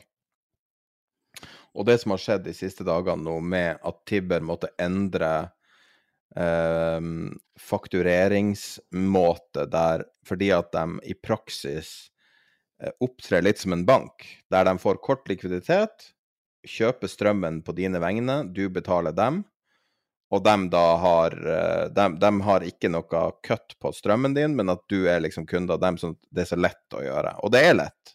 Og det har fungert utmerket. Jeg har vært veldig fornøyd med Tibber, og ingenting med Tibber har vært feil. Og så kommer da eh, problemet med at de må endre eh, faktureringsmetode. De blir kritisert for å gjøre det på veldig kort varsel, og, og, jeg kan ikke reglene der. Det kan godt være at det er feil, og det høres ut som at, at de gjorde det på altfor kort varsel. Men det interessante her fra et finansielt ståsted er jo det at med ordentlig trykk, og der deres forretningsmodell får skikkelig kjørt seg, så får du se at det må være issues med den kortsiktige likviditeten når de begynner å få problemer. Og at på en måte regnestykket går ikke lenger opp. Hvordan, hvordan ser du situasjonen med Tibber? Altså jeg, ser, jeg ser den ganske enkelt. Uh, at forretningsmodellen til, til Tibber har vært å, å ta en, en, en, månedlig fee um, som, er, som, er, lav, for, for, den tjenesten de yter. Og så får du strømmen til spot-pris. Med andre ord, de kjøper, den i, de kjøper den i markedet, og du får den samme prisen. Det som er, er, er jo er at Tibber da hver eneste dag sørger for å, for å kjøpe inn eh, den nødvendige strømmen eh, som de har, altså som kundene, eh, som, som kundene etterspør, og leverer den. Og Det gjør at, at, Tibber hver eneste dag på en måte yter en form for kreditt eh, frem til, eh, til, måneden slutter, og de sender deg en regning, og du gjør opp. Det er, det er, på en måte slik jeg oppfatter mekanikken i det. Nå har Du kan si at dette har jo Da, da Tibber ble etablert, var i en periode hvor, hvor renten Eh, var, var, på vei, var lav og, og fortsatt var, var, på vei ned, slik at finansieringskostnadene til, til, Tibber var lav. Det har gjort at Tibber kunne da eh, kjøre med ganske begrenset egenkapital under denne perioden, som, som, som sier at du egentlig kjører med ganske høy belåningsgrad, da, fordi, eh, eh, fordi du, du, låner fra, fra bank for å, for, for å kunne møte dine forpliktelser, istedenfor å ha egenkapital, stor nok egenkapital. Altså I vanlige markeder ellers, det er jo at egenkapitalen din må stå i forhold til eh, volumet. Men, det, men, du kan si, jeg vil, jeg vil, jo hevde at kraftmarkedet generelt ikke er veldig utviklet når det gjelder det. Det er blitt veldig mye bedre. altså Man gikk fra bilaterale, bilaterale avtaler til, til clearing, men nå, har de faktisk gått tilbake igjen til, til bilaterale uh, avtaler for å, bl.a. for å forhindre svære marginkrav og, og, kunne nette ut mot hverandre og litt sånn forskjellig. Det blir litt mer komplekst, men for tilbake igjen til Tibber. Så hva har skjedd? Hva er det nye som har skjedd? Jo, det, er to ting som har skjedd. Det ene er at du har en høy volatilitet i, eh, i strømprisen. Uh, og, og, og, det betyr jo at de må ut med mer penger uh, for, å, for, å, kjøpe daglig strøm til deg. Og i tillegg så har renten steget, noe som gjør at kosten deres på penger er høyere. Og da har de en, den Altså, du har tre muligheter. Ehm, den ene er at du styrker egenkapitalen din, slik at du kan gjøre det, og at den står da i forhold, og at myndighetskravet tilsier at du må ha en egenkapital i forhold til, eh, til forpliktelsene dine. Ehm, men hva er ulempen med det? Jo, du får en dårligere avkastning på, på egenkapitalen din. at the end of the day, fordi den er høyere og du, har omtrent de, og du har de samme inntektene. Da vil du få en dårligere avkastning. Det ser ikke så bra ut for aksjonærene eller for eierne. Den andre, det er at de hvis, de øker, hvis de øker lånerammen sin, så koster det mer. Det betyr at lønnsomheten deres går ned fordi renten er, er høyere. Um, så det er kanskje ikke så, så attraktiv. Og så prøver man eh, den, Det er fire varianter. Den, den, tredje varianten vil være å be staten steppe inn og ta den risikoen. mm, why? Jeg er ikke helt sikker på den. Hvorfor skulle de gjøre det? Hvorfor skulle en bedrift kunne kjøre med, lav, e, med, med lavere egenkapital fordi staten stiller opp? Det er en diskusjon. Um, og den fjerde, det er at de ber om at kundene forskuddsbetaler, slik at de kan bruke de kunden, kundens egne midler til å kjøpe den, til den strømmen. Og det er den siste altså det, det, er en, det er den siste de har De ønsker å innføre, noe som gjør at de at Jeg tror Forbrukerrådet hevdet at eh, de er ikke en bank. Da må de være en bank hvis de skal sitte på customer deposits eh, på den måten. Eller at, eller så ønsker de seg at staten stiller opp, slik at man slipper å øke, eh, øke egenkapitalen, liksom på, eller egenkapitalkravet. Ja, det er egentlig ikke et så stort krav i øyeblikket, fordi det, det er mer et sånn markedskrav for at man skal, skal, kunne operere. Det er sånn jeg oppfatter at den situasjonen er. Ja, jeg tror det er helt riktig. Og uh, tilbake til uh, det første temaet med skatt. Det har vakt sterke følelser. Jeg tror folk føler at jeg tror det største problemet her er kommunikasjonen. Det at det kom som lyn fra klar himmel, og så har det vært relativt lite informasjon. Så jeg har sett at det har kommet mer. De har korrigert, de har gått tilbake på den saken som skapte furore, eh, av åpenbare årsaker. Eh, og foreløpig så vet vi ikke nøyaktig hva som skjer. Eh, men jeg vil også si at Tibber har gjort mye for å forbedre kvaliteten i det norske strømmarkedet. Og hvis du sammenligner med enkelte strømaktører, hvordan de opptrer, så er jeg villig til å gi dem benefit of the doubt og, og vente litt med å bedømme det ene eller det andre. Dette er en krevende situasjon å være i. Og for å være helt ærlig, hvis Petter Stordalen får 850 millioner i støtte, så er det mange bedrifter som er viktigere, som krever mer støtte. Og dette er likviditetsstøtte, dette er ikke tilskudd, som han fikk. Sånn at man, man, må være litt forsiktig med den her ekstremismen. Jeg skjønner, jeg skjønner folk føler seg veldig pressa, og, og, situasjonen er røff for veldig mange familier. Ja. Eh, men på personlig grunnlag, og ikke farga av at vi har hatt kommersielt forhold med Tibber, men bare, bare, fordi at, også fordi at som nordmann så er jeg glad for å se norsk innovasjon og, og norske bedrifter bygge seg opp. Jeg syns det er helt fantastisk. Så jeg syns det er fint å gi noe slekk, på tross av at jeg også mener at de har gjort en feil. Ja, bare for å si det sånn, og igjen for disclosure, jeg, jeg, jeg er fortsatt uh, Tibi-kunde. Også for å rette opp noe annet, for det, det, nå har jeg sett det flere steder, er at man mener at liksom, dette er typisk Stordalen, og, det, og, og, han er aksjonær. Nei, han er ikke det. Uh, han har solgt seg ut, så vidt jeg vet. Så solgte han seg helt ut av, av Tibber. Så dette er på en måte ikke en sånn uh, Stordalen med, med, lite egenkapital, høy, høy giring-greie. Det, det, er ufortjent. Uh, det er en ufortjent view, hva heter det for noe? Altså, syn på saken. For, for det, det, er uriktig, for å si det på, på den måten. Men det er, jeg, jeg føler at det der greiene der har glidd litt forbi. Det øde, salta jorda så inn i helvete. Alt med covid-støtten og det misbruket Choice gjorde av den støtten, jeg vil si at det nesten er misbruk. Den størrelsesorden de fikk. Det var ment for å støtte små bedrifter, og så sitter folk med milliarder på konto og, og tar ut fra Norge og Sverige 850 millioner, og så salter det enhver debatt til evig tid. Det er jo der all den der aggresjonen måte bundet ut i. Man skal ikke støtte ditt, man skal ikke støtte datt. Og strømstøtten nå må jo være direkte farga av den covid-debatten. Den covid-støtten. Og covid-støtten var jo på en måte choice. Det var store deler av covid-støtten gikk til ett selskap. Et selskap som eier passivt hoteller, som, som, hvem som helst kunne ha gjort, som ikke krever masse know-how.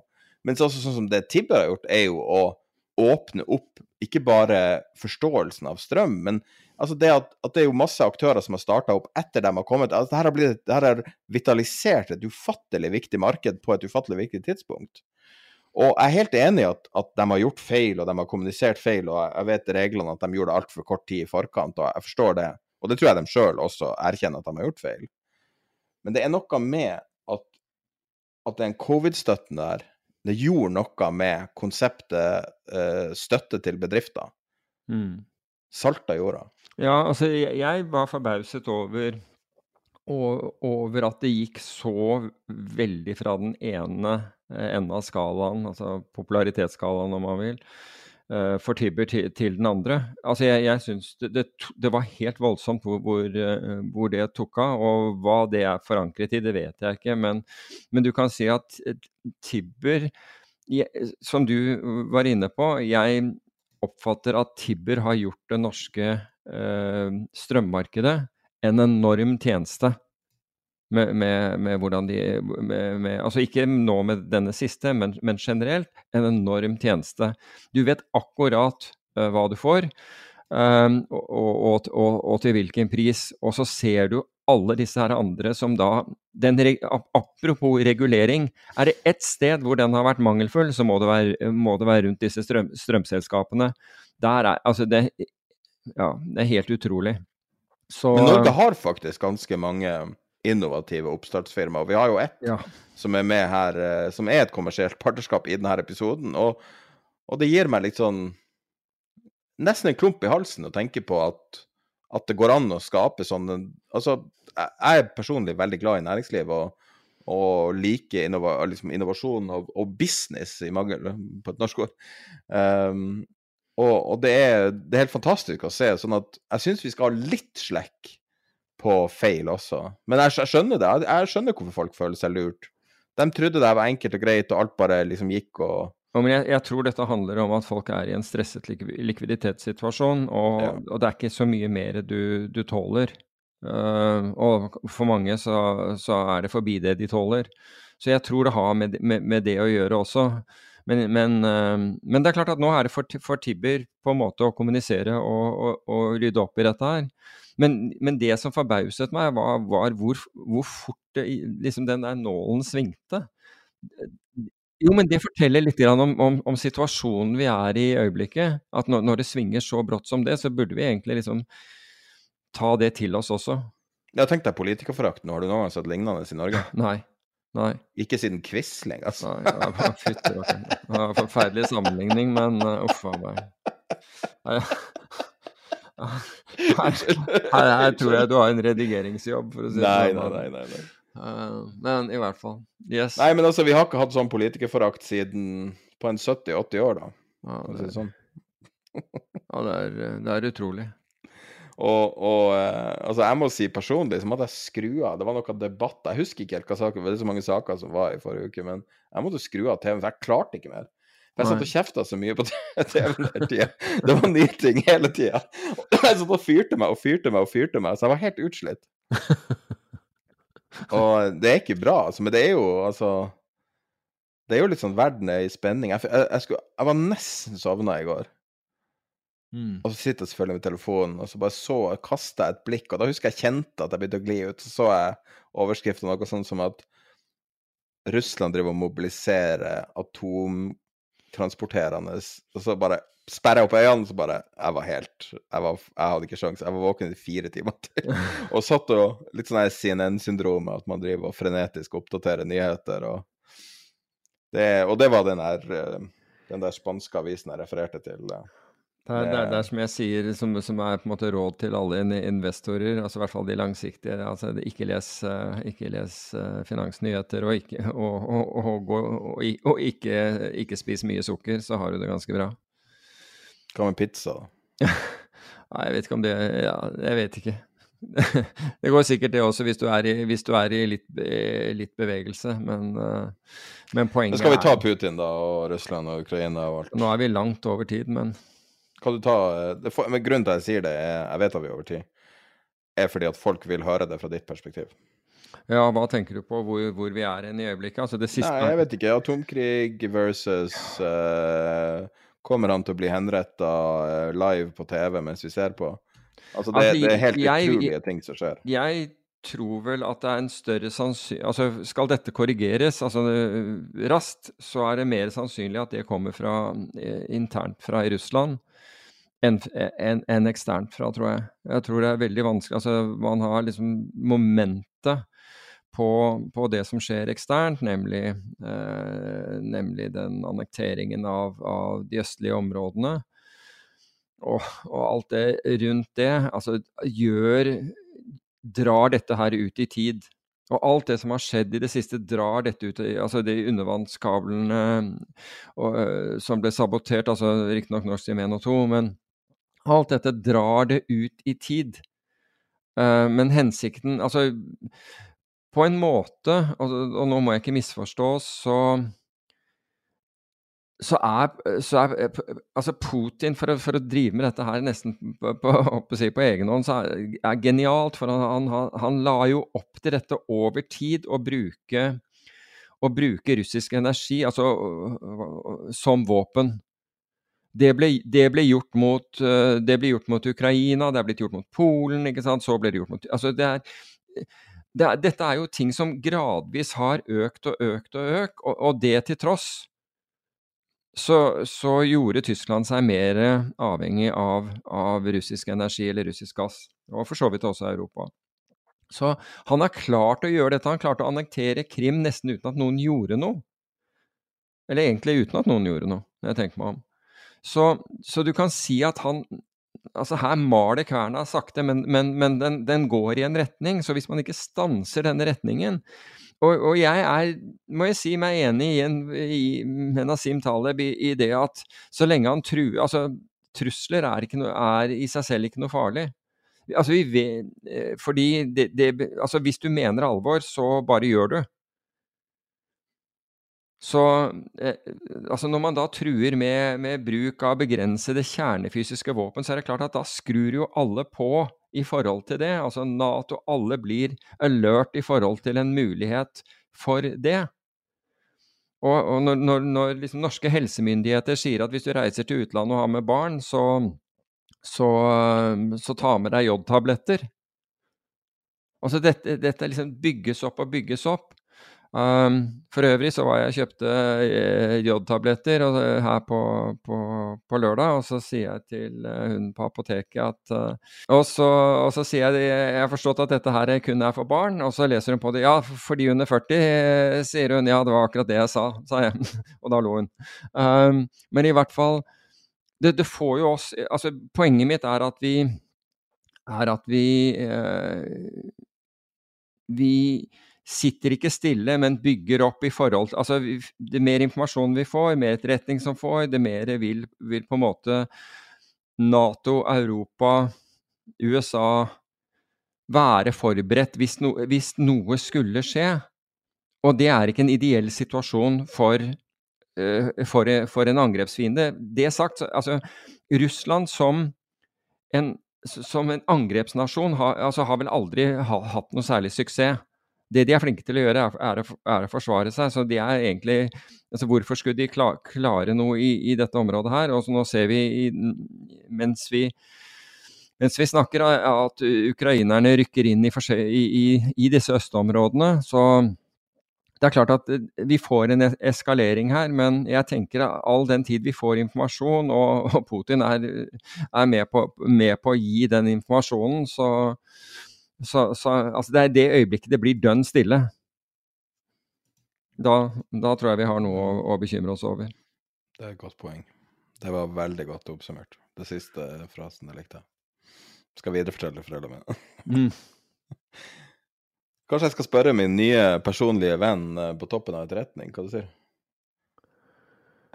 Ja, du, du, du, du, har jo, du har jo fått uh, Petraeus som, uh, som venn på Du må ikke si det, da. Jeg skal, jeg skal, jeg skal beepe det ut. Hvem det er.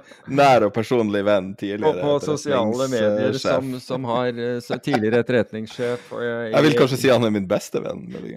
tidligere etterretningssjef i et, i et, et, et av verdens største land og, ja, og, og hærfører. ja. Nei, det Muligens Hamburgens hjemland. Ja, nettopp. Nettopp. Ja. Det har vært fint å, fint, å høre hans vurdering, det er jeg helt enig i. Ja, nei, men vi får vente til neste år. Men uh, jeg skal ikke belaste vårt uh, vennskap, selvfølgelig. Mm. Det er rart med det der når du snakker med folk som vet alt om verden. Det er ganske, ganske lite til for at jeg kaller dem for venn. ja, du, du, vil i hvert fall gjerne være venner med, med slike, det er jeg helt enig i. Det, nå kan jeg i hvert fall DM og spørre om uh, Hva ville du ha spurt en person som har sånn skikkelig, skikkelig innsyn? Sånn innsyn at vi ikke vet hvem den personen er engang. Hva, hva er det ene spørsmålet du ville stilt? Det Har vi et adekvat forsvar? Tror jeg jeg, jeg hadde vært opptatt av. Altså, du kan si at hvis nå dette går Hvis dette skulle gå den verst tenkelige veien, har, har man et adekvat forsvar til det? Vi tror jo og, og, på en måte agerer som vi har det. Hvis du tenker på at vi har en krig i liksom, et par timer unna, og med fly riktignok, um, hvor, hvor, det trues med å bruke kjernefysiske våpen, mens sånn går nå dagene, ikke sant, for, for de aller fleste her, så er det jo to ting med det. Det ene er at um, det er vår evne til å tilpasse oss som er imponerende. Men den andre er, er om, om det om, om, det faktisk gjør oss sløve. Jeg er usikker. Jeg er usikker. Situasjonen altså, Og du ser noen oppfatter disse tingene ekstremt mye mer alvorlig enn andre. Noen bare liksom blåser av. Det er ikke noe problem, det er jo borti der.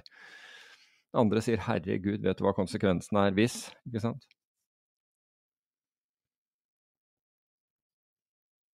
Jeg tror vi runder av på det. That Mm. sentiment. Og da kommer det en episode eh, ganske omgående på Patreon om eh, krypto, og så har vi noen flere intervjuer lina opp, så supert. Gled dere.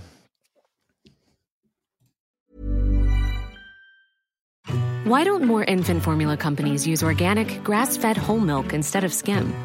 Why don't more infant formula companies use the latest breast milk science? Why don't more infant formula companies run their own clinical trials? Why don't more infant formula companies use more of the proteins found in breast milk? Why don't more infant formula companies have their own factories instead of outsourcing their manufacturing? We wondered the same thing. So we made ByHeart, a better formula for formula. Learn more at byheart.com.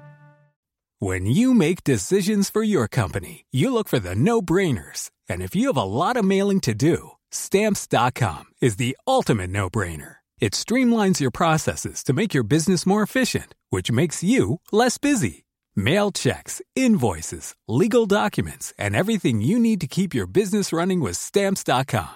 Seamlessly connect with every major marketplace and shopping cart. Schedule package pickups and see your cheapest and fastest shipping options from different carriers with rates up to 89% off USPS and UPS rates. And with the stamps.com mobile app, you can take care of mailing and shipping wherever you are. Make the same no-brainer decision as over 1 million other businesses with stamps.com. Sign up with code program for a 4-week trial plus free postage and a free digital scale. No long-term commitments or contracts. That's stamps.com. Code program.